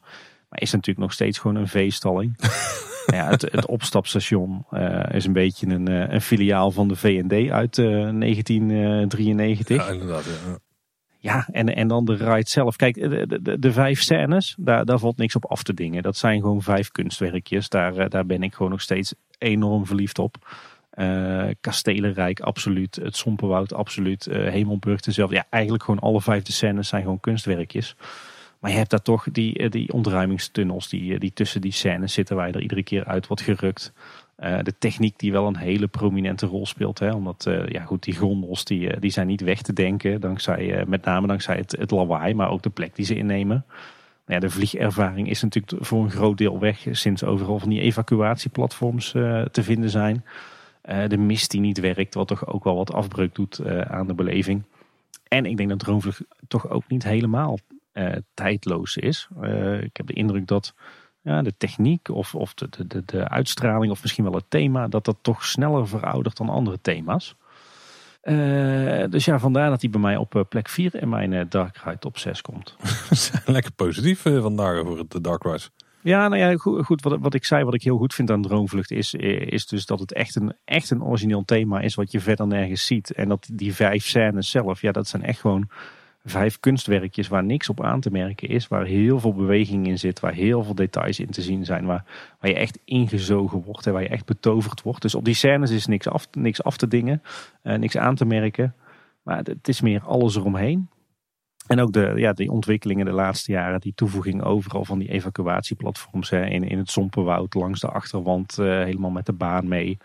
In de Elfentuin natuurlijk, waar je voorheen echt door de, door de tuin zwoof, of zweefde moet ik zeggen. uh, waar, waar, je nu uh, ja, eigenlijk ook gewoon bijna over een, een stuk vloer rijdt. ja, dat, dat doet echt wel afbreuk aan, aan die beleving. Ja, nou, ik zal daar ook nog wat dingen over aanhalen. Want bij mij staat hij niet op nummer 4. We gaan hier afwijken. Ben ik benieuwd naar jouw nummer 4. Ja, dat is de, de laatste van de twee vreemde eenden in de bijt. En dat is Villa Volta. Die staat bij mij op nummer 4. Ik, ik weet dat bij heel veel mensen een van de favoriete, of meest favoriete attracties is uit het park. Ik weet dat dat bij jou ook het geval is. Dus ik ben heel benieuwd waar die bij jou is geland. Zeker in dit lijstje. Ja. Um, als Dark Ride uh, zelf is hij... Misschien staat hij wel op nummer 4 omdat het een vreemde eend in de bijt is. Maar ik denk als ik gewoon naar de attracties aan zich kijk, zou hij bij mij ook wel ongeveer op dit punt staan, denk ik. Ja, aan Villa Volta is uh, vrij weinig uh, slecht. Maar ik vind de andere attracties wel gewoon uh, daarboven uitsteken. Zeker op dit lijstje dus. En er zitten in een paar dingen. Kijk, het, is, het mist een paar elementen van wat ik dan goed vind aan een Dark Ride. Dat is dat het lang is. Nou, met de voorshows krijgen we hier wel. Maar de show zelf is natuurlijk niet super lang. Maar dat is ook niet heel vreemd. En ook niet heel vervelend bij deze. Want voor het type attractie is het een prima lengte. Um, het is denk ik ook een van de attracties met de ja, misschien wel de beste stemmen uit uh, in ieder geval de Nederlandse pretparkwereld. Ik, ik denk dat er vrij weinig attracties zijn waar zo'n iconische stemmen in zitten. Die zo zijn verbonden. Want als je die mensen hoort praten die de stem hebben ingesproken. Ja, dan kan je ze ook niet anders indenken als dat ze daar in die attractie uh, zitten. Ja. Uh, de muziek zelf, daar hebben we het al een keer over gehad. Ja, de melodie en zo is goed, maar ik vind de uitwerking daar persoonlijk iets minder. En er zitten een paar ja, creatief vreemde keuzes in die tegenwoordig niet meer zo gemaakt zouden worden. En er zitten dan met name in de voorshows. Uh, de, de, eerste voorshow is uh, een beetje vreemd. De manier waarop daar het verhaal wordt gebracht, zeg maar. Je staat in principe in een soort, ja, ik weet, ik weet niet eens wat ik moet voorstellen. Rommelhok, uh, schuurtje. Schuurtje, ja. En je wordt dan, dan een wereld in een soundscape om je heen gecreëerd worden. Dat is misschien een beetje vreemd. Um, maar werkte toen de tijd wel. Ik bedoel, het was ook de eerste voorshow van Efteling natuurlijk.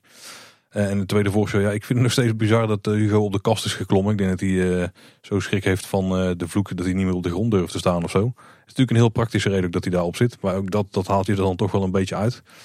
Uiteindelijk de, de hoofdshow zelf, ja, die is gewoon heel tof. En die is gewoon iedere keer als je erin gaat, het effect is misschien niet meer wat het is geweest. Maar het werkt nog steeds heel goed. En daar kan ik ook nog steeds echt van genieten.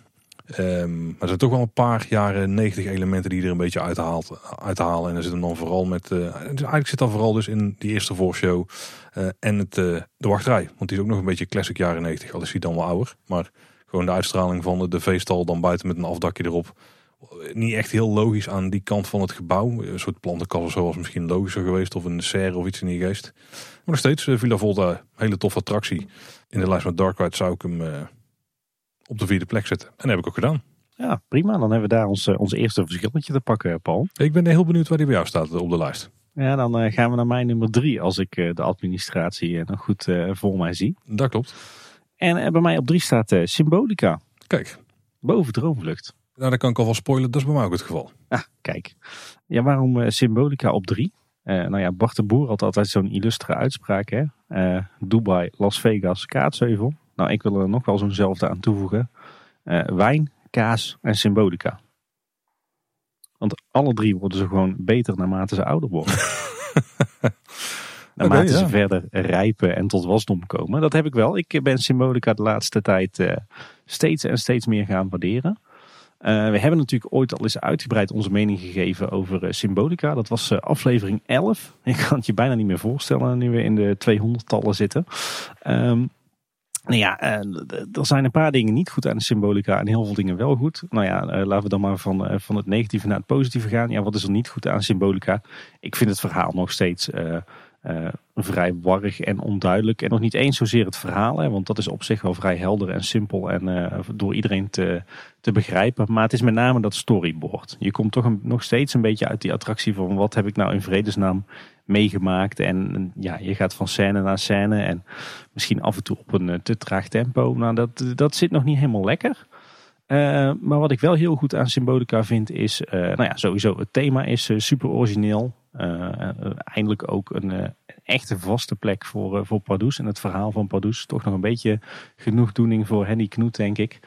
Um, nou ja, de attractie is natuurlijk zowel aan de binnen- als aan de buitenzijde voor de volle 100% afgewerkt. Hè. Als je het dan toch hebt over immersive theming en over escapisme ja, Symbolica is daar wel het schoolvoorbeeld van. Waar je ook kijkt, de vloeren, de plafonds, de wanden, uh, alles is gewoon afgewerkt. Uh, de roostertjes van de luchtbehandeling, alles is meegenomen.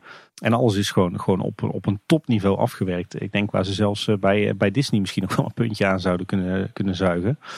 Ja, en verder ongelooflijk veel toffe details. Een, een, een goede soundtrack. Ja, en je, en je wordt toch een beetje, beetje betoverd door die, door die attractie op de een of andere manier. Je wordt wel echt uit het, het, het leven van alle dag getrokken. En je zit wel echt in die, in die toverwereld. Dat, dat doet die attractie wel, wel heel goed. Misschien net iets te weinig leven in de brouwerij. Er hadden wat mij betreft wel, wel wat meer animatronics in mogen zitten. En die hoeven dan echt niet allemaal van uh, Garner Holt uh, kwaliteit te zijn. Alhoewel je daar ook nog over kan discussiëren of dat nou uh, per se een pre is. Maar nee, ik, ik, denk als er, als er net wat meer animatronics in hadden gezeten. Die misschien ook wat meer de interactie hadden opgezocht met, met de bezoeker. Dan, dan was er wat meer leven in de brouwerij geweest. En dat, dat was het Dark Ride echt ten goede gekomen. Maar het, de, de, wachtrij, het transportsysteem, de gevels, de muziek, licht, geluid. Het, het is gewoon allemaal ja, top of the bill. En ik vind het nog steeds heel knap dat de Efteling uh, uh, in 2017 uh, ervoor heeft gekozen om ja, echt weer een ouderwetse dark ride te bouwen. Hè? Zonder al te veel interactie, zonder al te veel schermen. Met vooral fysieke decors, met animatronics ja, echt uh, een soort revival van de klassieke Dark Ride. Daar ben ik de Efteling heel dankbaar voor. Want uh, volgens mij is daarmee uh, door Symbolica en ook door een Mystic Manor wel een goede stap gezet in de herintroductie van de, de klassieke Dark Ride. Ja, je had alvast heel veel woorden uit mijn mond voor dadelijk, denk ik. Ik zal in het volgende toplijstje draaien het gewoon om, Paul. Dan mag jij beginnen. Dat vind ik helemaal goed. Hey, jouw nummertje drie. En bij mij staat dus nummer drie Droomvlucht. Dat was ook wel te voorspellen, denk ik, als Symbolica daarna nog ging komen. Nou ja, Droomvlucht vind ik zelf een hele toffe dark ride. Er is inderdaad vrij veel uh, mis mee, ook heel typisch jaren 90. En hebben het met name om de wachtrij en het opstapstation. Dat daar slaat echt helemaal nergens op uh, voor, voor, deze tijden. Daar is denk ik veel meer uit te halen. Ook uh, hier zou ik nog graag ooit een upgrade, upgrade projectje zien. Ik denk dat we dan Droomvlucht echt kunnen mee laten draaien in de top dark rides ter wereld. Ja, mee eens. Maar wat ik heel goed aan vind is het scheppen van de sfeer en het je meenemen in die wereld. En er zijn een paar dingen die je daaruit zouden kunnen halen. En is inderdaad het geluid van die voertuigen. Ik bedoel, als ze ooit weggepoetst krijgen, heel graag.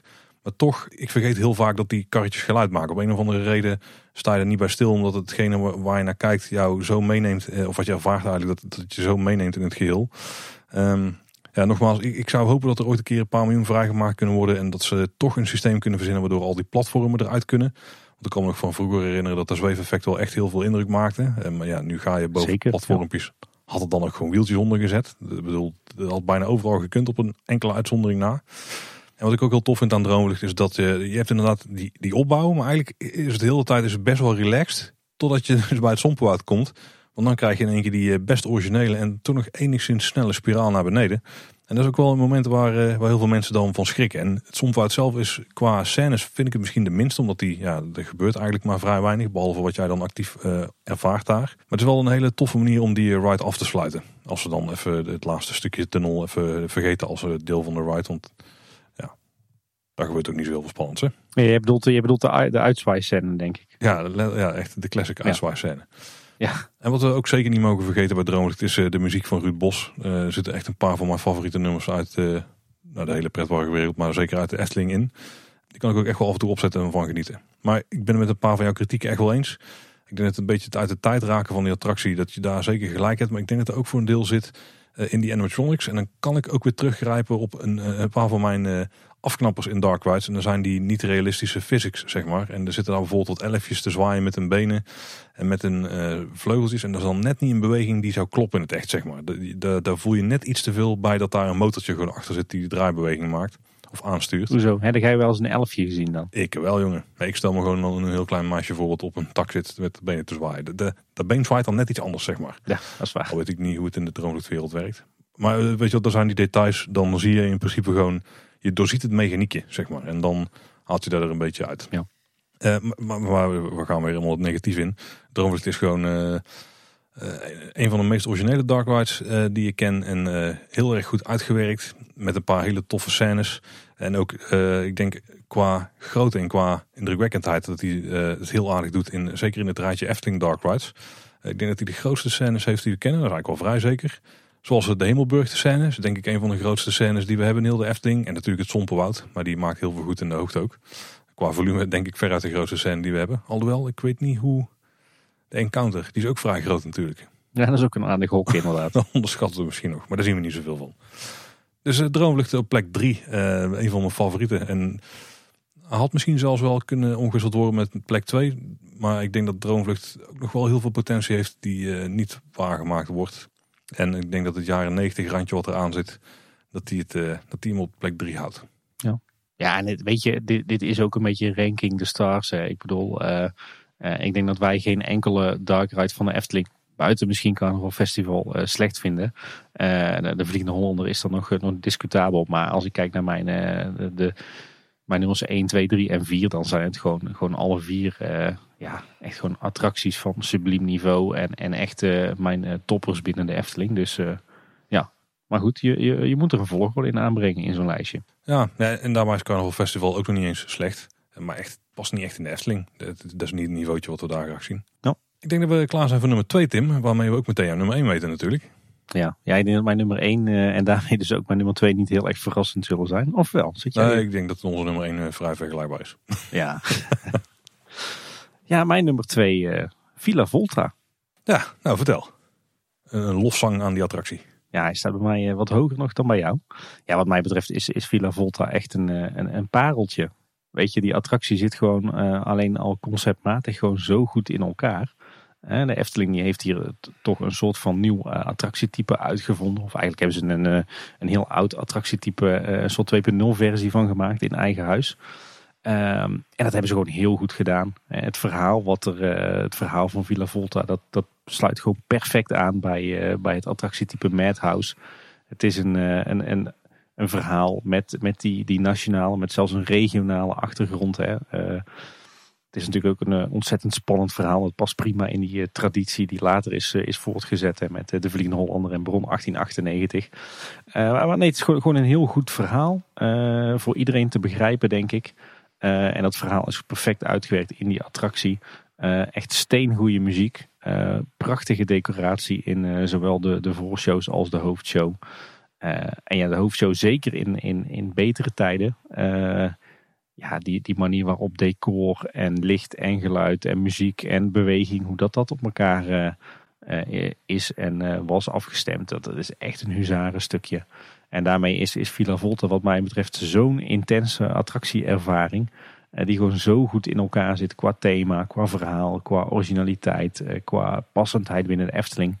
Het is gewoon echt een, een klein kunstwerkje waar wat mij betreft heel weinig op aan te merken is. Oeh, nou, daar wil ik nog wel een keer aan maken. Maar niet nu. wel het met je eens ben dat uh, met name de, de, de wachtrij nog wel... Uh, die zou nog wel een uh, thematisch sausje kunnen, kunnen krijgen. Hè, als het, het tuinhuisje of de serre of de kast van Hugo. maar, maar verder denk ik dat er weinig op Villa Volta aan te merken is. Hoewel, de attractie heeft natuurlijk wel een, een flinke onderhoudsbeurt nodig... om het, het decor allemaal een beetje op te frissen... Uh, en ja, ik hoop dat toch ooit die bewegingen weer teruggaan uh, naar de, de bewegingen zoals we die kennen uit uh, de beginjaren. Want naar verluid was het zo dat, dat vroeger dat de, de hydrauliek unit die zeg maar de, de, de schommel aanstuurt waar je op zit, die werd vroeger rechtstreeks door de show control aangestuurd. En ik geloof dat er een, een, een, nou, inmiddels alweer een flink aantal jaar terug, uh, dat er een nieuwe hydrauliek unit moest komen. Maar vanwege allerhande eisen mocht die niet meer rechtstreeks aangestuurd worden. Dus volgens mij is het nu zo dat de show control nu de besturing van de hydrauliek aanstuurt. En daar zit een bepaalde vertraging in. En daardoor loopt hij niet meer zo lekker synchroon. en is hij af en toe wat, wat trager dan hij zou moeten zijn.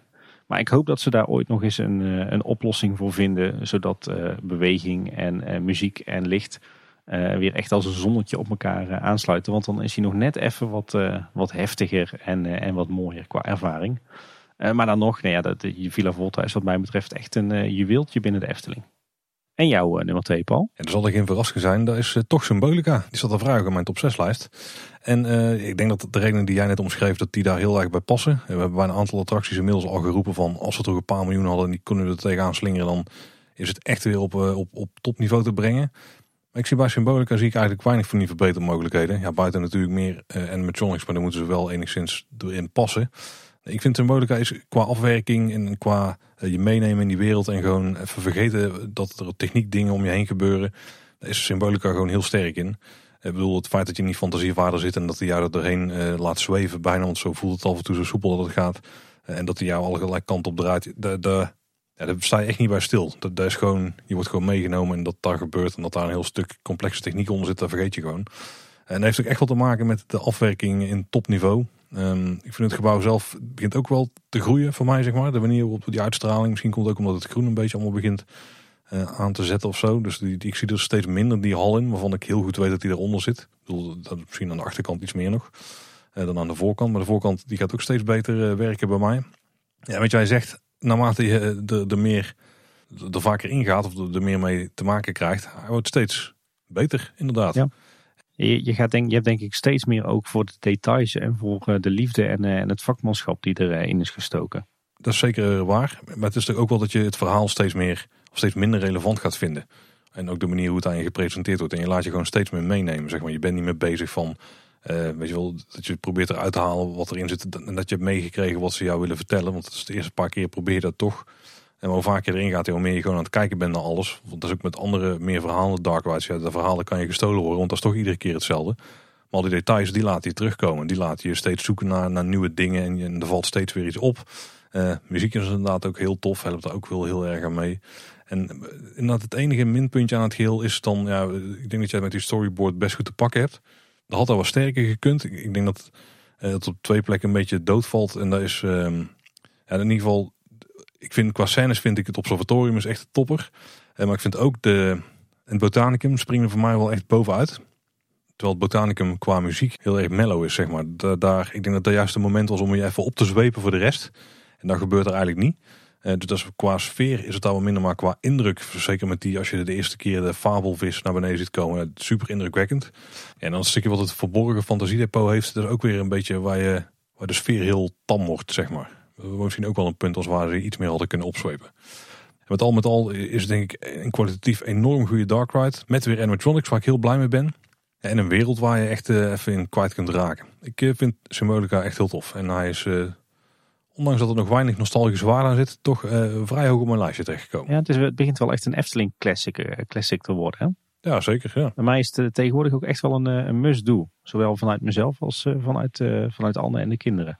Bij ons is het denk ik de favoriet van de kinderen van het rijtje eh, opties. Ik vind het wel grappig. Ik moet zeggen, ik, ik vond in eerste instantie eh, was observatorium altijd mijn, eh, mijn, mijn favoriete plek in de attractie. Maar ik merk dat ik steeds meer andere plekken in de attractie ook steeds meer ga, ga waarderen. Ik moet zeggen dat ik de, de ruimte van het botanicum, die, die plantenkast, dat ik die ook wel heel erg, erg indrukwekkend vind momenteel.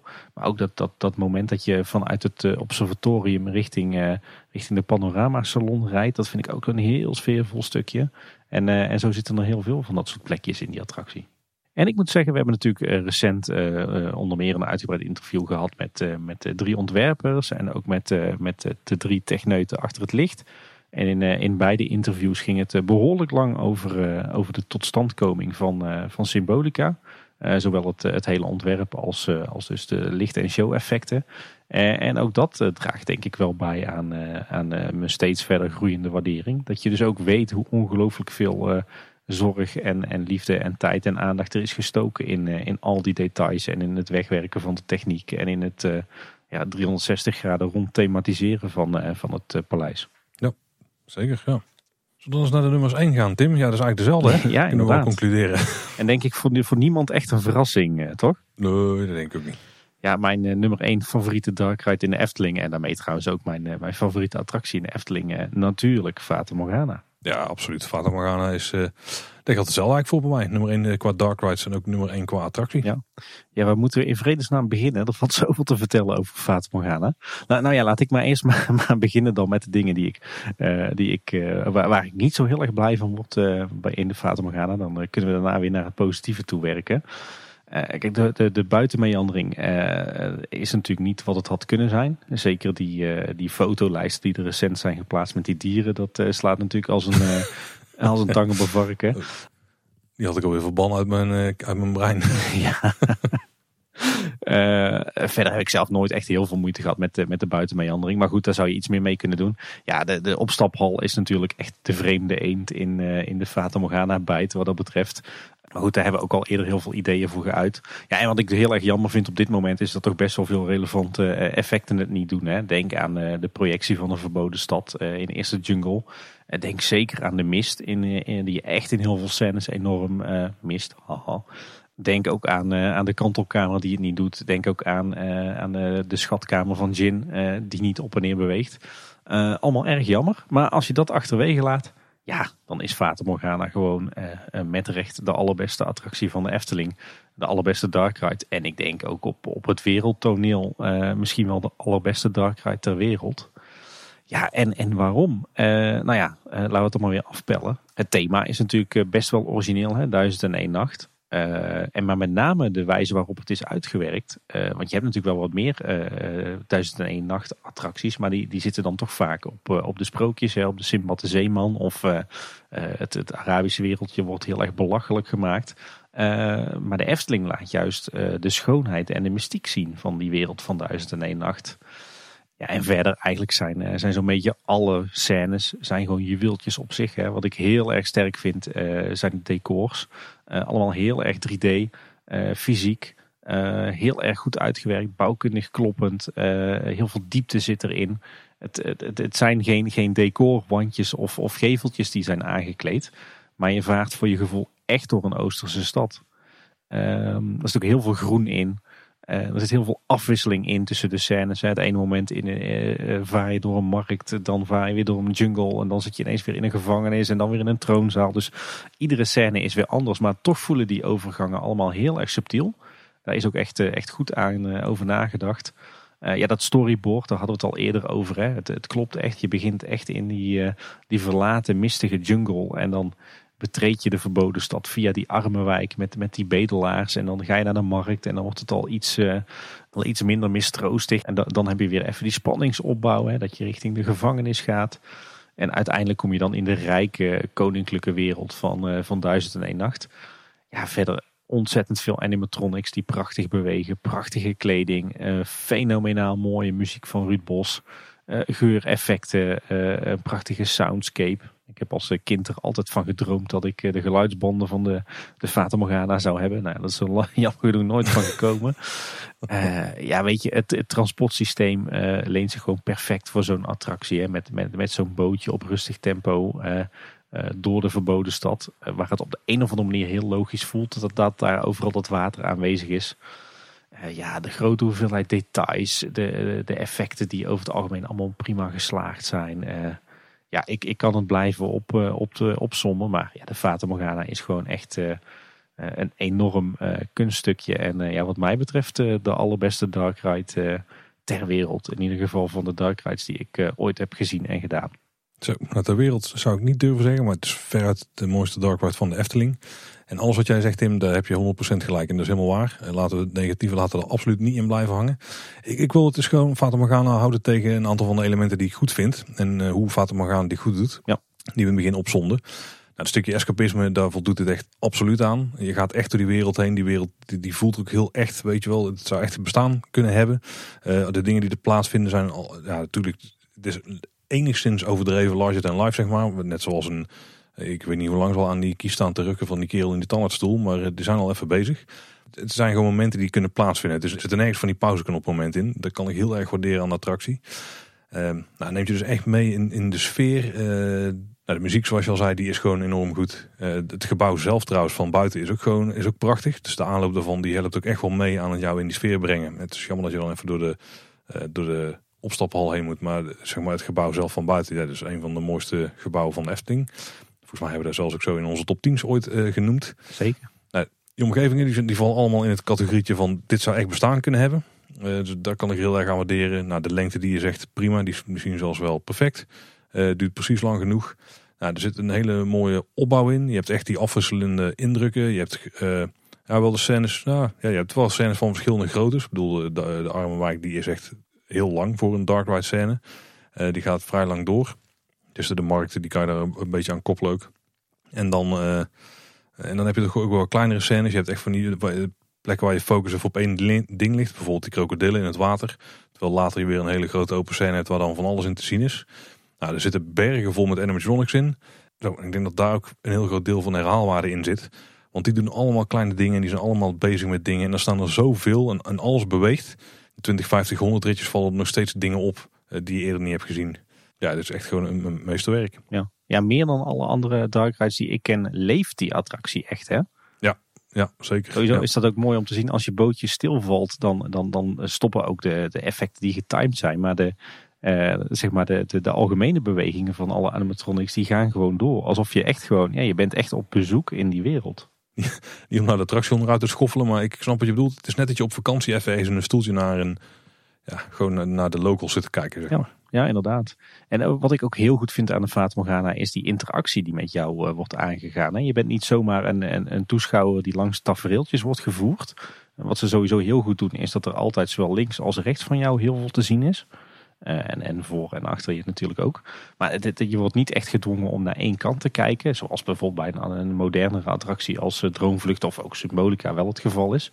En je, kan, je kan gewoon vrij uit rondkijken. Um, de animatronics die gaan ook in iedere scène wel op een manier de, de interactie met jou aan. Dus, dus je maakt ook echt deel uit van die attractie. Ja, zeker meens, ja. En wat je al zei, ik was zelf nog inderdaad uh, vergeten, want ik was begonnen bij de buitenmeandering. Maar inderdaad ook, ook de hele uh, buitenruimte, dus de, de geveltjes, uh, de oase, de bazaar, de toiletten, het plein met de fonteinen, met de fakkels, met, met de thematische beplanting. Ja, het, het klopt allemaal. Hè. Je zit gewoon echt in die Oosterse sprookjeswereld.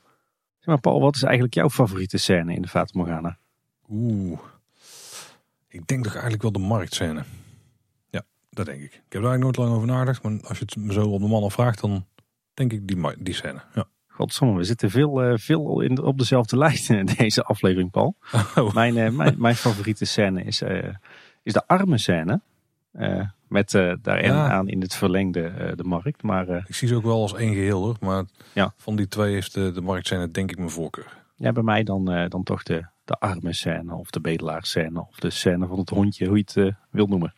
Ja, maar die is ook zeker heel, heel top. Ja, en, en verder zitten er ook, ook stiekem best wel veel uh, technieken in die, uh, die hun tijd vooruit waren. Hè? Of, of die gewoon heel leuk zijn. Denk aan het evacuatiesysteem met, uh, met die opblaaskussens, wat natuurlijk heel erg innovatief is. Denk aan zo'n kantelkamer, wat een, een hele toffe illusie is natuurlijk. Ja, en de kogels die het water raken is ook een heel tof effect. Ja, het is echt te veel om op te noemen wat er allemaal goed is aan de Fata Morgana. Zullen we maar eens mee ophouden, Tim? Want uh, misschien moeten we er wel een keer een losse aflevering van maken. En, waar ik ook nog steeds heel benieuwd naar ben, laten we hem gewoon maar weer hier in de picture zetten. De making-of die de vijf zintuigen aan maken is. Daar ben ik echt heel benieuwd naar. Ik denk dat daar onze waardering voor de Fata Morgana alleen maar van, uh, van stijgt. Oeh, dat, dat, denk ik ook, ja. En we even, zullen we even snel onze top 6 opsommen? Ja, inderdaad. Uh, mag jij beginnen? Ja, yes, ik mag een keer beginnen. Mijn top 6 was op nummer 6 Carnaval Festival. Op 5 de Vliegende Hollander. Dan op 4 Villa Volta. 3 Droomvlucht. 2 Symbolica. En op nummer 1 met dikke stip, Fata Morgana. Ja, mijn uh, top 6 zag er net wat anders uit. Op uh, eh, 6 Carnaval Festival, op 5 de Vliegende Hollander, op 4 Droomvlucht, op 3 Symbolica, op 2 Villa Volta en op 1 Fata Morgana. Hey Paul, en misschien uh, toch voor de, de kritische luisteraar die vindt dat we echt strikt bij de echte dark rides moeten blijven. Wat was dan jouw top 4 geweest? Eh, dat, was niet zo heel moeilijk. Hè? Carnaval Festival, Droomlucht, Symbolica, Fata Morgana. Nou, die van mij was dan uh, exact hetzelfde geweest. Oh, zo de vreemde een in de bijt die, uh, die het verschil hebben ja, doen maken. Inderdaad. Ja, Villa Volta, ja inderdaad. Ja. En dan gaan we ook nog even kijken, laten we proberen iets korter te houden, naar onze favoriete dark rides buiten de Efteling. Waarbij het wel belangrijk is dat je daar zelf geweest moet zijn. waardoor mijn lijstje ook overigens meteen vrij interessant wordt, denk ik. Want ik heb ook een paar, ja, moet ik het noemen, het zijn geen eervolle vermeldingen.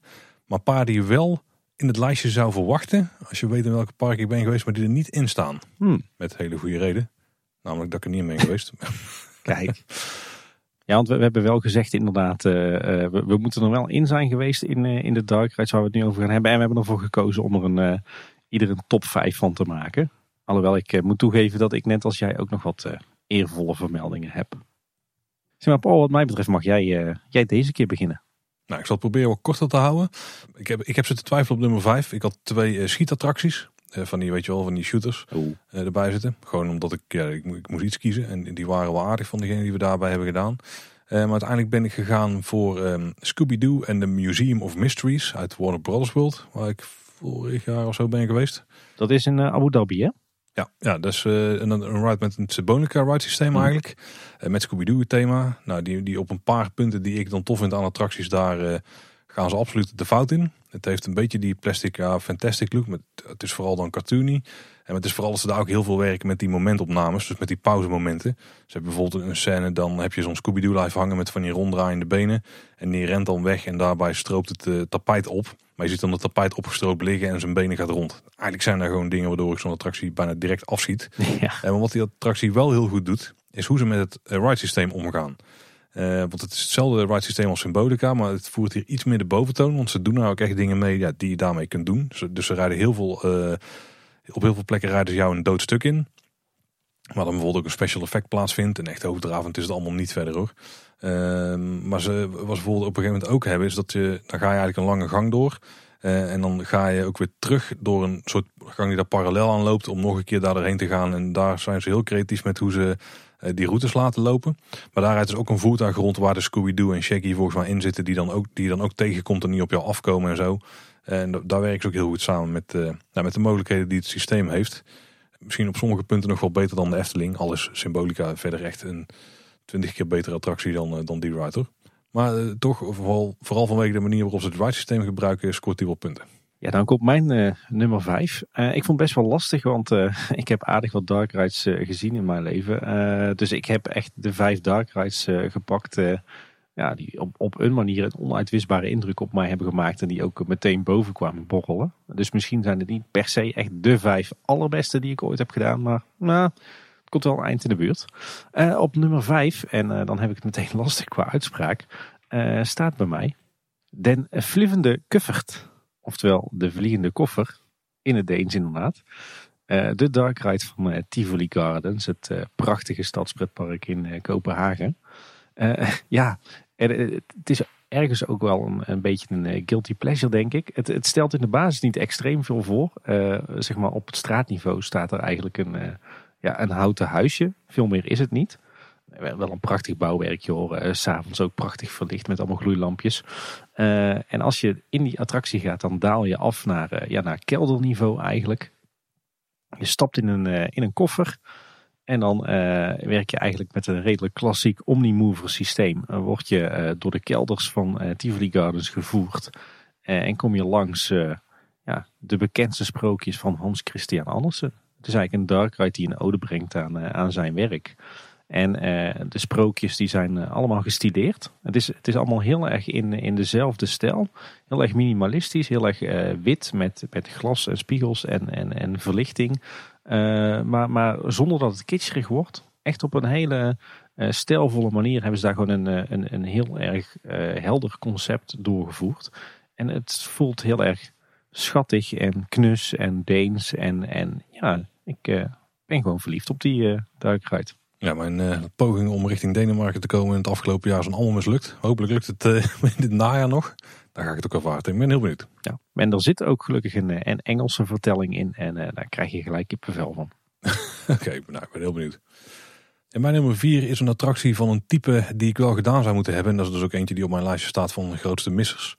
En dat is eh, Justice League War World Attacks, ook weer in Warner Brothers World. Klinkt gezellig. Ik had wel een beetje moeten graven hoor. Dat is namelijk een, een attractie met het Spider-Man 3D eh, ride systeem.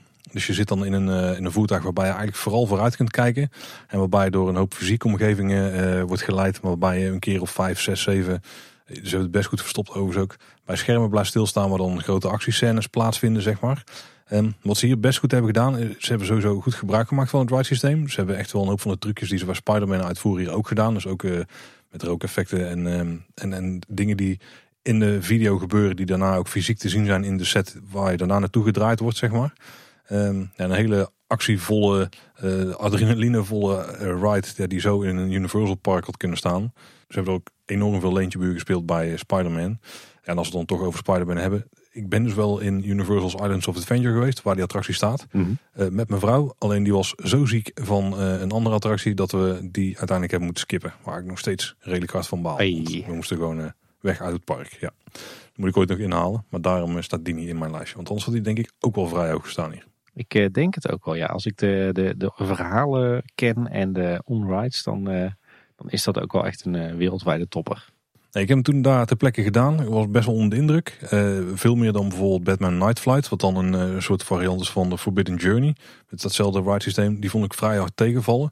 Maar deze was eigenlijk best goed. En ik zat vandaag nog eens een on-ride te kijken. Om even te kijken of dat hij hier wel echt in de top 5 thuis hoorde.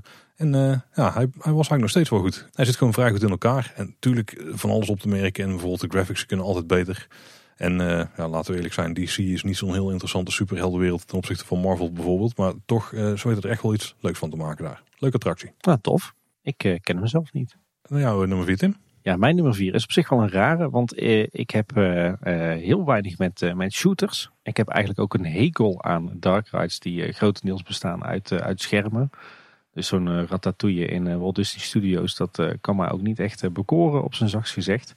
Uh, maar mijn nummer 4 uh, is daar aan allebei wel schuldig aan. Uh, staat in een ander favoriet park voor mij waar ik echt een zwak voor heb. Namelijk in Fantasialand.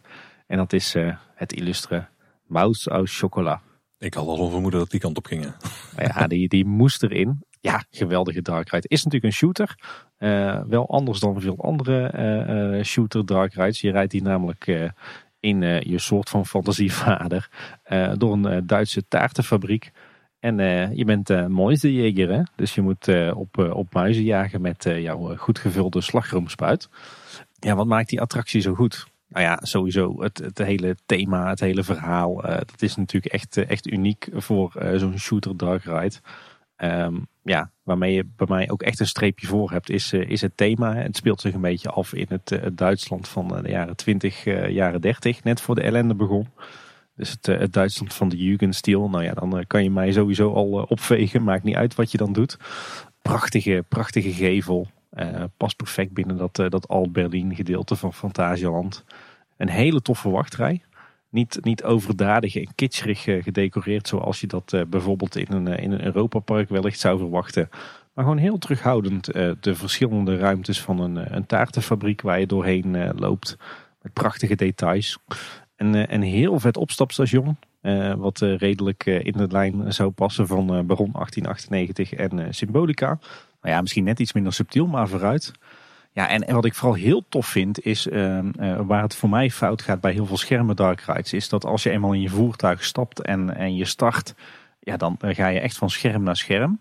Uh, dat heb je hier natuurlijk ook wel, want dat is de hele basis van de attractie. Maar je rijdt hier echt door die taartenfabriek, door die verschillende ruimtes. Dus de plekken waar je stil komt te staan voor zo'n scherm, die zijn ook gewoon netjes 360 graden rond afgewerkt. En, en tussen die verschillende ruimtes zitten ook iedere keer weer tussenruimtes die, die heel erg in dat jaren 20, 30 Jugendstil sfeertje zijn, zijn aangekleed. Dus dat klopt echt.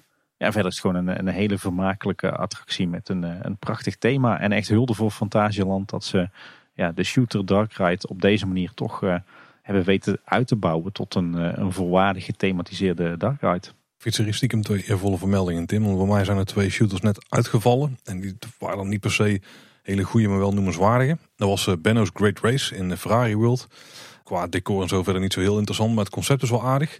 Uh, Benno is namelijk een, een, muis en die gaat racen tegen volgens mij een vos. Uh, maar die zit hem op allerlei manieren dwars en jij moet hem dan helpen om wel die race te gaan winnen. Dus je gaat daar langs fysieke decors, maar af en toe sta je bij schermen en daar wordt er geschoten. En je hebt dan steeksleutels. Maar je moet niet alleen schieten, je moet bijvoorbeeld ook um, een auto in elkaar zetten. Dus de auto van Benno, dat is volgens mij het eerste wat je doet. Dus dan moet je elementen van die auto op het frame slepen, zeg maar, om zo dat ding bij elkaar eh, te klikken. Uh, en een stukje verder, dan moet je uh, door spinnenwebben heen snijden waar hij met zijn auto in terecht is gekomen, et cetera. Dus het is niet alleen maar puur schieten, dus dat doet totaal aardig. Ja, ja. En een andere is uh, Anime Mayhem. Dat is in Warner Brothers World wederom. Dat is ook gewoon een klassieke shooter. waarbij het concept in de basis heel origineel is, want je bent in de Acme fabriek. Uh, waar dan blijkbaar allerlei pakketjes verzonden moeten worden. En je hebt daar ook een barcode scanner. Dat is zeg maar jouw gun in dat geval. Alleen het, het vreemde is dat je uiteindelijk helemaal geen barcode scant. Maar je moet gewoon nog steeds op van die ronde doeletjes schieten. Dus dat is een beetje vreemd. Maar daar zit, daar zit vooral vol met easter eggs. En ook uh, best wel toffe decors. Super cartoony natuurlijk allemaal. Dus daar scoort het niet echt hoog. Uh, maar wel noemenswaardig. Dus twee, twee schietattracties die ook wel de moeite waren. En wij doen die vrij vaak. Want de herhaalwaarde is hoog. Maar vooral de kinderen vinden ze heel leuk. Dus dan heb ik wel extra tijd om ze goed te bestuderen. Kijk. Maar uh, we gaan door naar nummer drie, hè? Ja, jouw nummer drie. En dan gaan we naar een heel bekend terrein, of naar een bekend terrein in ieder geval. En ik denk dat ik hem hier onder mag uh, pakken, Tim. Maar misschien eh, vind je dat ik vals speel. Maar dat is wat mij betreft de Twilight Zone Tower of Terror.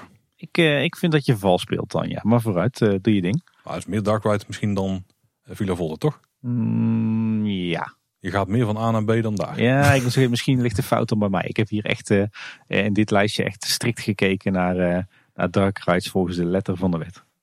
Maar vooruit, eh, dat eh, maakt het, eh, maakt het tot interessante verschillende lijstjes. Ja, kijk, en misschien zit daar ook wel het punt. Want uh, stel het was alleen maar die vrije valtoren geweest, gewoon open en bloot. Ja, dan, dan was het een, een aardige vrije valtoren. Maar juist het feit dat die helemaal is aangekleed en dat al die scènes erin zitten waar je langs gaat. In, in eerste instantie voordat je gaat vallen. En overigens ook tijdens het vallen. Dat maakt hem echt tot, wat mij betreft, een topattractie. een van de leukste attracties ja, ter wereld, mag ik toch wel zeggen. Waarvan ik echt hoop dat een keer een afgeleide richting de Efteling gaat komen. Maar het is gewoon het hele sfeertje wat ze daar scheppen en de manier waarop het eigenlijk best wel goed opbouwt ook. Dus als je qua storyboard kijkt, dan zit deze ook best wel goed in elkaar. Zeker. Je krijgt eerst een mooi opbouwend verhaal en uiteindelijk gaat het natuurlijk los als je gaat vallen en ook weer omhoog getrokken wordt. Uh, maar altijd wel in de sfeer blijvend van, ja, van die attractie. Dat doen ze echt heel goed. Ja, ik vind het echt een topper. Dus uh, heel erg op mijn lijstje. Ja. Ja, ik heb er niet aan gedacht. Hij kwam bij mij niet, uh, niet voorbij in mijn hoofd toen ik dacht aan mijn favoriete dark rides. Maar ik kan het alleen maar met je eens zijn. En hij was bij mij zeker net zo hoog geëindigd, ja. Dan naar jou nummer drie, Tim. Ja, ja dan komen we in de, mijn lijstje klassiekers. Op drie bij mij Phantom Manor in Disneyland Parijs. Loop ik weer een beetje vooruit op de feiten, maar die staat dus ook op mijn lijstje van grote missende attracties. Ik heb hem al ooit gedaan, maar dat is echt, pff, ik denk 24 jaar geleden of zo. Ik kan me er weinig meer van herinneren. Maar ik heb dus een abonnement gehad op Disneyland Parijs. Met het idee dat tijdens die periode dus die attractie weer ging heropenen. Want die was toen in onderhoud. Hmm. Alleen uh, daar, werd, daar werd keer op keer uitgesteld. En uiteindelijk was mijn abonnement afgelopen en was ik nog niet in Phantom Manor geweest. Dus dat was wel redelijk schrale bende. Anders had hij er denk ik ook vrij hoog in gestaan. Ja. Ja, ik ben denk ik wel een tiental, ja, misschien wel meer keren trouwens in Phantom Manor geweest. Uh, tijdens verschillende bezoekjes aan Disneyland Parijs. Overigens wel allemaal voor de grote verbouwing. Ja, ik zei eerder, ik hou niet zo van de afgezaagde thema's. En een van die afgezaagde Dark Ride thema's is Spoken. Ja, Phantom Manor is wel de, de eredivisie der dark rides uh, op wereldtoneel. Ja, het wordt weer zo'nzelfde verhaaltje als bij Fata Morgana bijna. het een opsomming van al, alles wat goed is. Ja, alleen al het, het silhouet op afstand hè, van Phantom Manor op die heuvel. Dat, dat vervallen landhuis de, de hele buitenkant is schitterend. Het is natuurlijk ook fantastisch hoe Disney dat heeft aangepakt met, uh, met dat huis op die heuvel. En de daadwerkelijke showhal die, uh, die verderop uh, ergens in dienstgebied ligt. de buitenwachtrij is prachtig. De landscaping is prachtig. Het hele, het hele verhaal achter die attractie klopt gewoon. Dat sluit ook weer aan op de hele background story van Frontierland ja, de, de stretching room, uh, de, de, de hele wandeling daarna richting het opstapstation, het opstapstation zelf. Ja, het is gewoon zo prachtig uitgewerkt, uh, zo enorm sfeervol. Hè. Er hangt daar echt zo'n onheimisch sfeertje, weet je wel. Zo'n zo'n ja, een beetje spooky, maar, maar niet dat het heel erg uh, eng wordt of, of heel erg van de kettingzagen en bloed. Maar het is echt zo'n beetje zo'n zo'n zo'n dreigend sfeertje op de achtergrond. Dat, daar kan ik heel goed van genieten.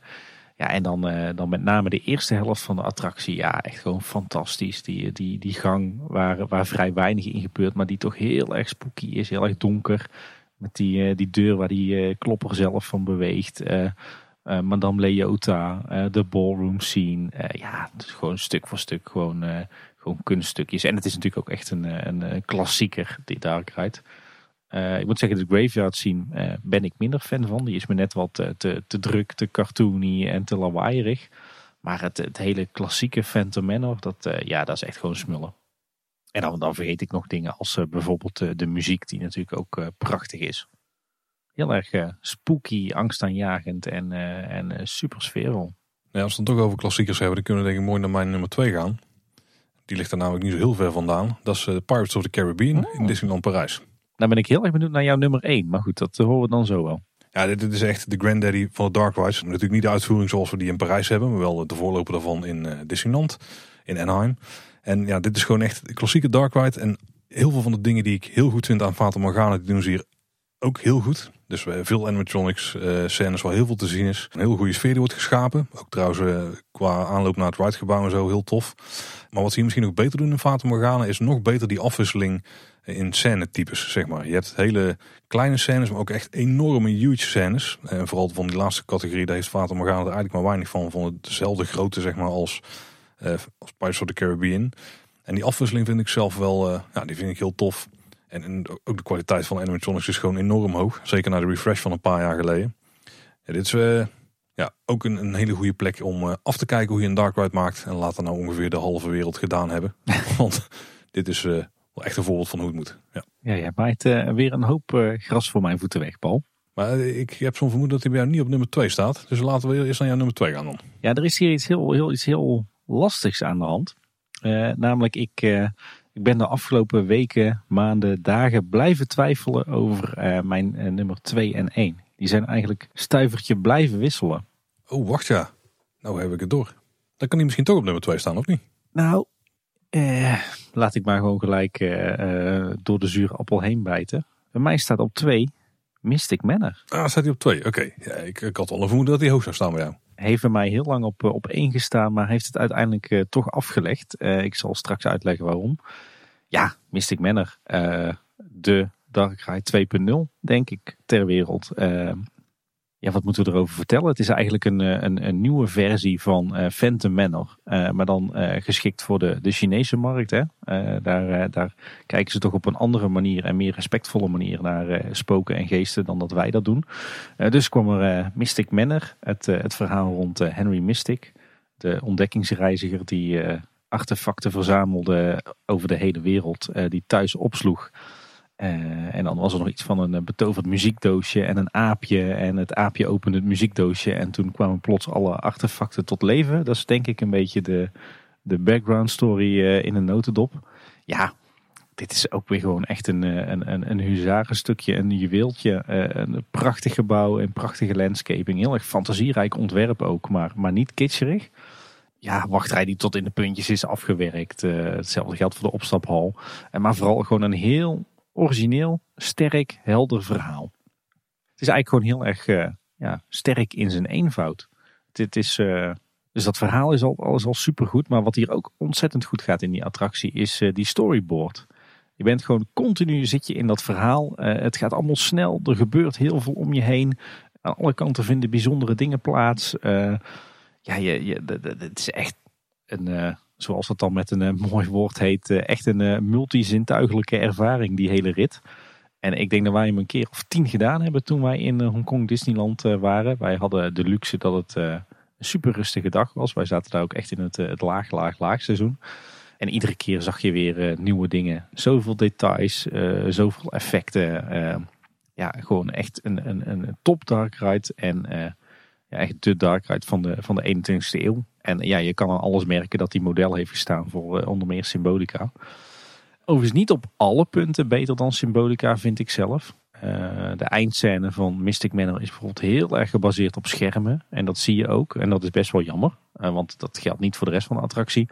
Als je hem afzet tegen Symbolica valt mij toch wel op dat waar Symbolica echt de 360 graden rond is afgewerkt en gethematiseerd.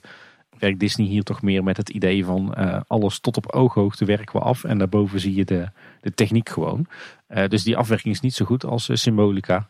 Maar goed, qua, qua verhaal en qua storyboard en qua spanning en qua snelheid en qua, qua wat er gebeurt, wint hij het zeker van Symbolica. Zo, zo eerlijk moeten we ook wel zijn. Maar nee, in, in alles een, een, een, een enorm prikkelende dark ride die, die al je zintuigen meeneemt. En het is gewoon een ontzettend gave ervaring. En tot in de puntjes afgewerkt. eh, ja, nee, het is gewoon eh, om door een ringetje te halen. Ja, die staat bij mij heel erg op het eh, lijstje wat ik overigens ook nog heb. Met Dark Rise die ik nog wil doen. Ik heb die onride heb, denk ik al tientallen keren bekeken. Ja, wij thuis ook met de kinderen. Dus ik denk dat wij ook ooit nog wel een keer die kant op, op gaan. Maar de, de, de, de onrides die, die komen niet in de buurt van wat je werkelijk meemaakt. Dat kan ik al overklappen. Dat is alleen maar mooi. Nou, jouw nummer 1 dan, Paul. Ja, jij was er benieuwd maar ik denk als je het hoort dat het super voor de hand ligt. Eh, Dat is eh, Harry Potter and the Forbidden Journey in Universal's Islands of Adventure. Ik hoorde het mezelf zeggen en toen dacht ik, oh nee, tuurlijk. Heel makkelijk bij Paul, ja. En dat, daarbij is het echt die, die totale ervaring die op alle punten gewoon echt eh, van wereldniveau is. Dat begint al met de aanloop naar het gebouw. Je hebt daar uh, Zwijnstein of Hogwarts op, de, op de rots staan, zeg maar. Die boven je uittorent. Een heel, hele goede force perspective truc die ze daar uithalen. Die op foto's overigens wel net iets beter werkt dan in het echt. Want dan op een gegeven moment als je heel dichtbij staat, ja, dan is het wel een miniatuur op een eh, heuveltje voor je neus, zeg maar. Eh, maar nog steeds die uitstraling van die omgeving daar. En dan dat je door het dorp die naar het kasteel in loopt, heel tof. Nou, dan ga je de wachtrij in, die toch voor een deel wel ook de veestalling is. Maar eh, uiteindelijk zeg maar buiten wel in een, een vrij mooie plantenkas eh, opgaat. Waar ook nog van alles gebeurt en waar wat effectjes in verstopt zitten.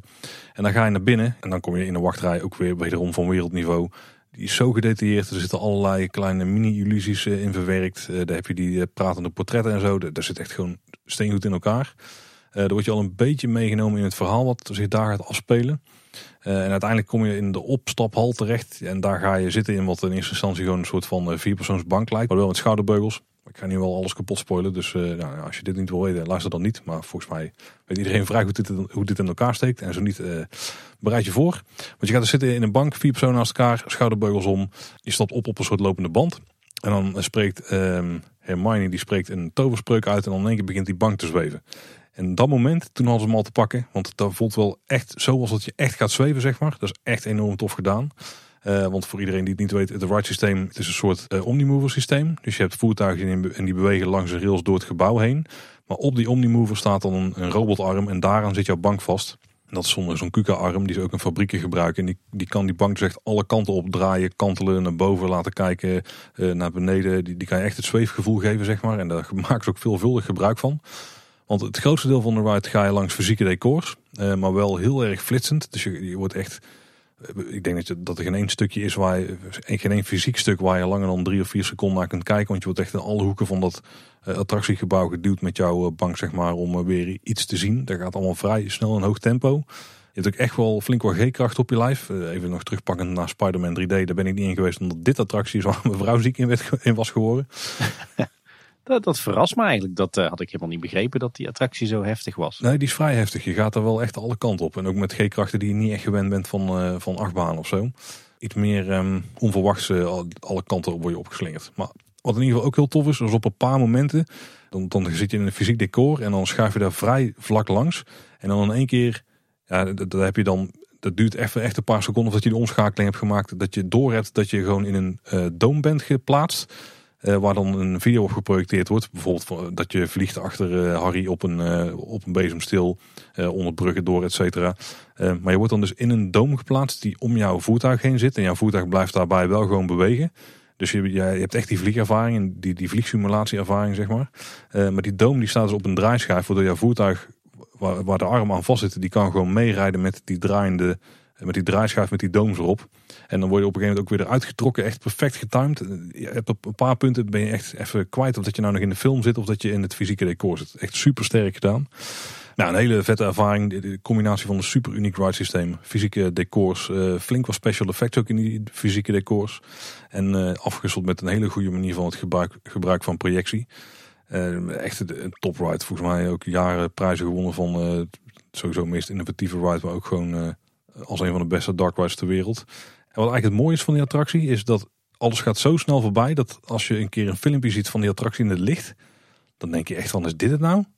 Echt gewoon, weet je wel, poppen die met een paar zwarte doeken erachter hangen eh, in de ruimte. En wat spinnen die in het touwtje hangen met de loopbruggen die je er gewoon omheen ziet. Maar, zo, maar als je dus in die ride zit en hij staat aan met showverlichting en muziek en special effects. Dan heb je er echt niet door. Dan word je gewoon echt door een avontuur heen gesleurd. Eh, ja, die je nog nergens anders hebt ervaren in het pretparkland. Heel tof. En niet, niet te veel schermen? Nee, nee, dat valt absoluut mee. En wat ik al zeg, je hebt ook op een bepaald moment, het zit je ook echt even te twijfelen van, zit ik nou nog in die film of zit ik nou in, eh, of zit ik nou nog in zo'n scherm? Ik, ik had het echt niet door eh, toen ik die eh, ride deed. Ja, tenminste, je hebt het wel door, maar de, de omschakeling die gaat zo vlekkeloos, dat hebben ze echt heel goed gedaan. Oké, cool. En ben jij ook echt, eh, was jij van tevoren al ook echt een, eh, een Harry Potter fan? Of was het nieuw voor jou, de IP? Nee, ik denk dat ik die films wel allemaal heb gekeken in de tijd dat ze uitkwamen. Niet per se dat ik nou een mega fan ben, maar ik kan die films wel waarderen. ja. Oké, en eh, klopte het ook voor je gevoel? Sloot het aan op, eh, op wat je in eh, de boeken leest en in de film ziet? Ja, nou, één ding, daar nemen ze dan wel een beetje een loopje mee. En dat is dat de, de muggles, dus de normale mensen, dat die in principe niet in Zwijnstein komen. Ja, daar, daar hebben ze dan een heel redelijk slappe reden voor verzonnen. Mhm. Eh, maar dat is eigenlijk het enige wat niet klopt. Maar verder is het wel echt een momentopname in die wereld waar jij dan doorheen beweegt, zeg maar. Met dingen die ook op dat moment allemaal passen in het verhaal. Dus de mensen die je tegenkomt, de karakters, de wezens en zo. Dat is wel eh, heel tof gedaan, ja. En tof. Ja, bij ons staat hij ook zeker nog op het eh, verlanglijstje. Dat zal jou niet verrassen. En om even aan te geven hoe ze het daar voor elkaar hadden, dus de eerste keer. Die Batman-attractie, Batman Night's Flight, waar ik het net al over had. Die gebruikt dus hetzelfde ride systeem. Die gebruikt een aantal van dezelfde trucjes. Maar echt op alle fronten doet hij onder voor deze. Oké. Buiten misschien trouwens het opstappen. Dat is daar net, misschien net iets handiger geregeld. Maar ik denk dat ze dan eh, niet de capaciteit zouden kunnen halen die deze attractie doet. Want schrik niet, die is echt eh, volgens mij 2200 plus of zo. Dus de capaciteit is ook echt nog wel hoog. Dat is eh, behoorlijk, ja. Ja, dan jouw nummer 1, Tim. Ik denk dat dat niet zo'n heel grote verrassing meer gaat zijn. Ja, dat is natuurlijk de Hollywood Tour. In Fantasieland. Kan niet anders, hè? Nee, nee, die komt dadelijk nog wel voorbij. Dat kan ik wel verklappen. Nee, eh, ja, eh, toch Pirates of the Caribbean. Ik heb eh, heel lang zitten twijfelen tussen nummer 1 Mystic Manor of Pirates. Maar het is bij mij uiteindelijk toch de klassieker geworden, Pirates. Misschien ook wel gewoon omdat ik stiekem diep van binnen een heel erg groot zwak heb voor de klassieke Dark Ride. Met de grote scènes. eigenlijk ook de, de Dark Rides waar je doorheen vaart in een bootje. op de een of andere manier voor mij. Een klassieke Dark Ride is een, een, een, een boot, ride. Dus dat, ja, ik weet niet wat dat dan is. Uh, nou ja, weet je, er is gewoon zoveel goed aan deze attractie. En dan, dan kijk ik even naar de versie in Parijs. Uh, ook hier weer uh, de hele buitenruimte. Je waant je meteen in, in de tropen hè, met die palmbomen. Nou, dan dat vocht wat je naar binnen gaat. Die prachtige wachterij met al die details die qua, qua sfeer en afwerking helemaal klopt. Een fantastische opstaphal. En voor mijn gevoel zit je daar, loop je daar echt in een, ja, in een dorpje in de jungle. Ja, en dan deze, deze heeft zoveel prachtige scènes. ik, ik vind bijvoorbeeld alleen al dat, dat opgetakeld worden op die lift met die kettingen die zo boven je hoofd te bewegen. En dat water wat aan alle kanten naar beneden komt. Zo enorm indrukwekkend. Ja, en verder die hele Dark Ride zit gewoon steengoed in elkaar. Prachtige scènes, fysieke decors. Uh, die tot in alle kleinste details zijn afgewerkt.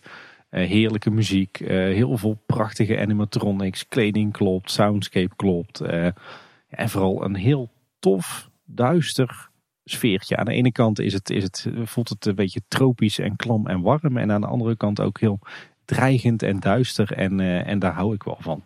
Het is allemaal net wat, wat grootser en wat wijdser. En, en, en wat, wat, wat, ja, net wat, wat spannender misschien ook wel dan, dan een Mystic Manor. Waar Mystic Manor echt uh, het verhaal is van... joh, jij, uh, jij snelt in jouw voertuig door een huis heen waarvan alles gebeurt.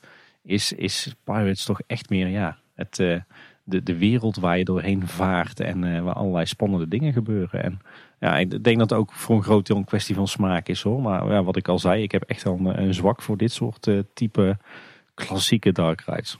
Ik eh, dus blijkbaar ook, ja. Ik had toch niet zo heel veel gras voor je voeten weggemaakt, Tim. Nee, dat is waar. moet, moet wel zeggen, ik, ik, ik ken Pirates uh, in Parijs alleen van voor de verbouwing. Dus voordat Jack Sparrow uh, werd geïntroduceerd en voordat de muziek werd aangepast. En ik ben wel echt zo'n purist die het, het graag bij het oude had gehouden. Maar goed, het is niet anders. Nou, het verhaal technisch is het inderdaad niet zo heel sterk. Maar die animatronics zijn wel echt van topniveau. Nou, die redenatie die gaat voor mij mank. Want ik heb dan zoiets van, ja, dat is leuk. Maar een animatronic is uh, moet, moet het verhaal dienen, zeg maar. Moet ondergeschikt zijn aan het, aan het verhaal. En het moet er niet staan als een, uh, als een leuk hebben dingetje, zeg maar. Nou, ze hebben er ook een paar toegevoegd die dan wel iets doen voor het verhaal. Gewoon het hele, het hele totaalplaatje is, is gewoon volmaakt. En dat is Mystic Manor natuurlijk ook. Dus in die zin ja, is misschien ook een kwestie van, kwestie van smaak die het uiteindelijk heeft doen winnen. Maar misschien als ik morgen opsta dat ik denk, had ik Mystic Manor maar op één gezet. maar het zijn gewoon alle twee toppers. Het zal geen kleine boodschapaflevering zijn als we geen eervolle vermeldingen hebben. Nou heb ik die niet. Want ik kwam eigenlijk tot de conclusie dat er nog extreem veel dark rides zijn die ik graag zou willen doen. Dus ik heb een lijstje van dark rides die ik nog wil doen. Want ik denk dat ik nog heel veel mis uh, daarin zeg maar. Ik bedoel, ik kijk een lijstje nummer 5 en 4 zijn niet extreem sterk. Zijn echt geen toppers in de wereld, zeg maar. Want er is in de wereld nog, nog zoveel wat ik niet heb gezien. Ja. Dus er zijn nog wel een aantal die ik graag wilde. Maar jij hebt vast wel eervolle vermelding, Tim. Ja, ja, je had het wel van tevoren in de redactievergadering mogen afstemmen, Paul. Want dan had ik ook een lijstje gemaakt met, uh, met uh, nou, je mag dadelijk bij mij waarschijnlijk overal ja op zeggen op een enkeling die je wel hebt gedaan. Dus, uh... ja, die kans bestaat wel. Anders dan schud ik er zo wel een paar uit, mijn, uit mijn mouw. Nou ja, er, er, zijn nog een aantal attracties waar ik, of een aantal dark rides waar ik ook een, een zwak voor heb. Niet per se de allerbeste dark rides ter wereld die ik ooit heb gedaan. Eh, maar het zijn eigenlijk drie categorieën die ik, die ik toch niet onvermeld wil laten. Ja, de eerste categorie waar ik, waar ik echt uh, al sinds uh, een jaar of twintig een zwak voor heb, zijn toch wel de, de klassieke Fantasialand Dark Rides. En dan, dan noem ik ze maar even alle vier. de Hollywood Tour, Geisterriksja en de Zilbermine en Duizend en één Nacht. die laatste twee die zijn allebei helaas verdwenen. En met name Zilbermine is wel echt, een, echt zonde dat die is verdwenen ja, weet je, hoe fout wil je het hebben? Natuurlijk stuk voor stuk uh, kopieën van, uh, van wat er uh, in de Disneyparken in Amerika stond destijds. maar dan echt heel erg houtje touwtje en heel erg Duits uitgewerkt. Dat zien we natuurlijk ook in, in Europa Park. Maar in Europa Park gaan ze er qua kitscherigheid nog, nog net een paar stapjes overheen. Fantasialand is dan net iets ingetogener. Zodoende heb ik echt wel een zwak voor die dark rides. misschien wel onder het motto fout maar goud. Waar uh, als ik uh, altijd als wij in Fantasialand zijn, dan moeten we zeker in Hollywood Tour en uh, de Geisterriksja en voorheen ook zeker in de, de Zilbermine. Ja, dat, ja, weet je, ja, wat ik al zei, fout maar goud. Overigens in, in diezelfde categorie heeft er ook heel lang in Liseberg in, in Göteborg in Zweden een, een dark ride gestaan. Het Sago Slotted.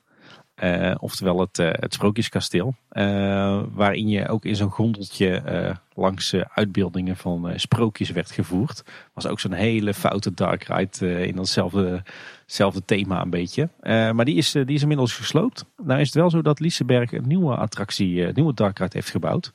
Underland. een dark ride speciaal voor kinderen. die bevindt zich volgens mij onder het Kanienlandet, het kindergedeelte van Liseberg. En ik kijk er wel heel erg uit om, eh, naar uit om eh, die eens eh, te gaan ontdekken. Maar goed, ik, ik had beloofd drie categorieën dark rides die ik zeker wil vermelden.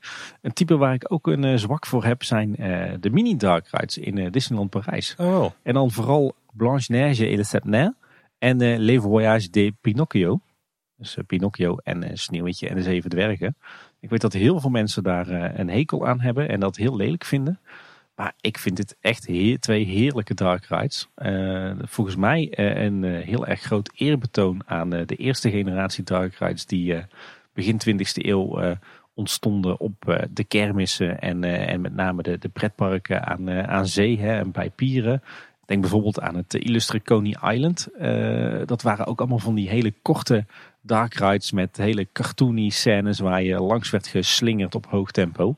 Ja, dat doen deze twee dark rides natuurlijk ook. En ik, uh, ja, ik moet zeggen, ik vind ze heel stijlvol, heel sfeervol ook. Uh, juist ook uh, dat, dat hele cartoony gevoel. En bij, bij Sneeuwwitje natuurlijk ook een beetje dat, dat enge. die blacklight. ja, ik weet niet, ik hou wel van het steltje. Ik vind het wel echt een, een, een heel erg mooi statement. En de laatste categorie uh, dat zijn uh, de dark rides van uh, Movie Park Germany. Of wat er, wat er van over is eigenlijk. ik ben altijd een heel groot fan geweest van de Looney Tunes Adventure. En de latere opvolger, de Ice Age Adventure. Inmiddels is die gesloopt en wordt er een achtbaan gebouwd. En ik moet zeggen dat ik ook die Bermuda draaiekken ook echt een fantastische attractie vond.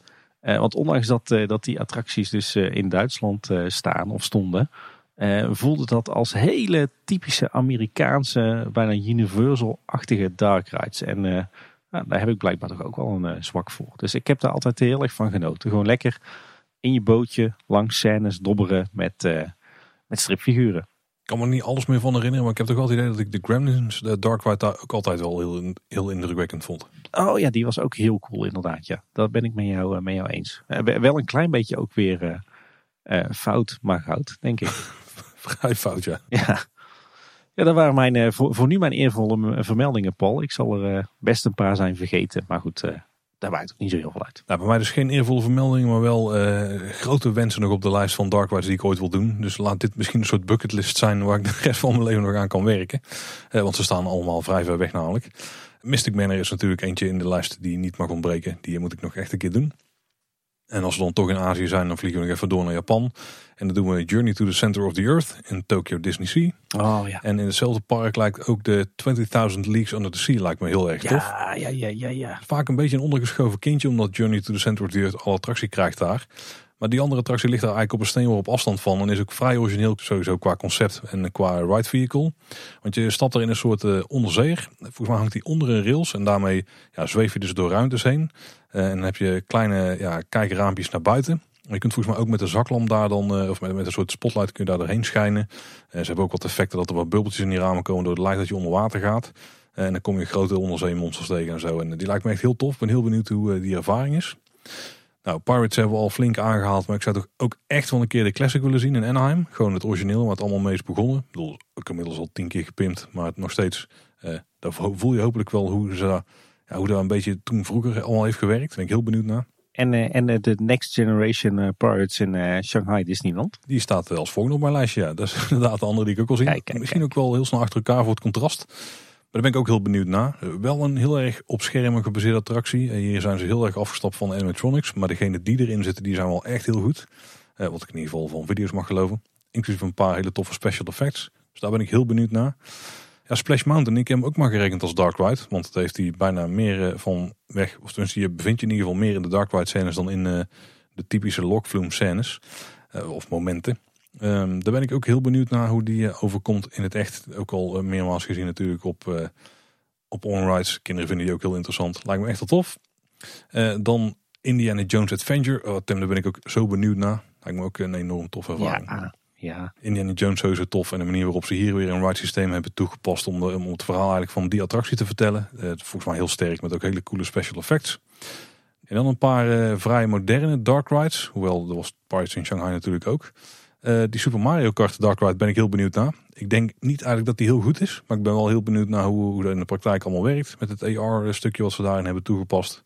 Um, en de scènes zijn verder uh, vrij plastic fantastic. Volgens mij uh, de pauzemoment scènes, daar doen ze hier ook heel erg aan. maar ja, ze, ze, hebben er wel een extra laag overheen gelegd. Dus daar ben ik heel benieuwd naar hoe dat in de praktijk werkt. Radiator Springs Racers ben ik ook heel benieuwd naar in Disneyland Anaheim. Ja. Disney's California Adventure dan in dit geval. Ook wel een dark ride denk ik. In ieder geval er zit een scène bij eh, die dat denk ik wel goed maakt. In het midden. Maar het gaat daar ook wel om het eh, vlotte stuk natuurlijk. Ja. En dan degene die absoluut niet in mijn lijstje mag ontbreken. Maar waar jij waarschijnlijk een dikke worst aan hebt. Rise of the Resistance. De Star Wars attractie in Anaheim. En in, uh, daar ben ik ook heel benieuwd naar. Als die nou nog naar Parijs zou komen zou ik weinig problemen mee hebben. Dan, dan ga ik liever, als ik dan toch in die hoek ben, eerder, liever toch naar The World of Avatar. In Disney's Animal Kingdom. Ja, maar Dark Ride, dan ga je dan voor de, die, kleine Dark Ride zeg maar. Die uh, eronder zit. Ja, voor allebei. Wat is het? Uh, Navi River Journey en The Flight of Passage. Ja, Navi River Journey is wel echt een klassieke dark ride natuurlijk. Lijkt me ook wel heel tof, maar... Oh, heerlijk. Maar voelt niet zo groot of zo. En Flight of Passage is dan, ja, mag ze mogen als dark ride rekenen. Is toch een simulator, denk ik. Hè? Ja, maar ook, wil ik ook zeker wel doen, ja. Als ik daar dan toch ben, dan doe ik ze gewoon allebei. Ja, precies. Dan doe ik het niet zo moeilijk. Ik, ik, moet ook zeggen, ik heb, ik heb eh, zijdelings even zitten denken welke dark rides staan op mijn lijstje nog om te doen. Maar ik denk dat je het goed zou kunnen samenvatten dat ik eh, nog een keer naar het eh, Tokyo Disney Resort moet. Ik moet nog een keer naar eh, Shanghai Disneyland. Ik moet nog überhaupt een keer naar, eh, naar Orlando. En ik wil nog een keer naar Anaheim. En dan zeg maar alle dark rides die in die bestemmingen staan, die wil ik allemaal nog een keer doen. Dat lijkt me een goed reisplan, ja. Dat is een goede, goede samenvatting, denk ik. Hè? Volgens mij tikken we die van mij dan ook allemaal aan. ja. Dan moeten we in Japan wel een uitstapje maken naar Osaka, waar het Universal Park daar ligt. Uh, ja. Maar Super Mario Kart komt waarschijnlijk ook naar Orlando, dus ik kunnen misschien daar ook mee pikken. Scheelt toch weer een vliegtuigstripje. Ja, jij moet nog even een detour via Hongkong maken dan, hè? maar dan uh, ga ik wel gewoon gezellig mee. Oh ja, dat wel, ja. Dan kan ik uh, aardig blind de weg vinden, dus dan laat ik je wel de stad zien. Er is in ieder geval zat Dark Ride mooiste te vinden in de wereld. Dus nog genoeg te doen. Ja, en als je geen inspiratie hebt, dan kijk je gewoon op darkridedatabase.com. Zeker, ja, een hele toffe site. Ik heb hem ook even gebruikt om te filteren, om te kijken dat ik niet dingen ben vergeten van parken waar ik was geweest. Goede site, is goed in elkaar. Leuk met het kaartje ook, hou ik van hè. Kaartjes met puntjes erop met interessante dingen. Zo is toch nog een flinke pil geworden Tim, voor een toplijstjes aflevering van ons. Dat komt denk ik ook wel door het uitstapje naar het buitenland. Ja, en ook door het onderwerp Dark. Hè? Want we hebben het voor mijn gevoel nu pas beginnend aangesneden. En ik denk dat ik nog wel 12 uur over Dark kan doorpraten. Nou, gelukkig moeten we nog meer uurtjes podcast maken, maar die bewaren dan voor een ander moment. ja, precies. Dat is een goede eerste introductie uh, tot uh, wat wij nou uh, belangrijk vinden en goed vinden aan de Dark Rides. Zowel in de Efteling als daarbuiten. En ik ben ook heel benieuwd wat onze luisteraars dan goed vinden aan de Dark Rides in de Efteling en wat hun favorieten zijn. En dit past natuurlijk makkelijk in een tweetje of een Instagram DM of zo. Dus knal ze er absoluut in, we horen ze graag. En wil je dat nou doen? Ja, dat kan op Twitter bijvoorbeeld door te tweeten naar @kaboodschap. Ja, en op Facebook en Instagram vind je ons uh, op uh, Kleine Boodschap. En mocht je nog andere verhalen aan ons kwijt willen, dan kan het bijvoorbeeld via de mail. Dan mail je naar info.kleineboodschap.com. En op kleineboodschap.com onze website, daar kun je ook het contactformuliertje vinden als je iets meer ruimte nodig hebt dan een tweet of een uh, klein DM'tje. Ja, en daar vind je ook alle afleveringen en de bijbehorende show notes ook van deze aflevering. Ja, luister je ons nou in de podcast app en je bent nog niet geabonneerd, ten eerste foei. Dus doe dat meteen even. Dan staat er in ieder geval iedere maandagochtend een nieuwe kleine boodschap voor je klaar. En kun je ons daar ook een reviewtje geven, dan eh, laat die zeker eentje achter. Kunnen we altijd erg waarderen. Ja, en verder eh, kun je ons natuurlijk ook gewoon luisteren op de website of via Spotify. Dat was in ieder geval weer voor deze week. Bedankt voor het luisteren. Tot de volgende keer. En houdoe. Houdoe waar.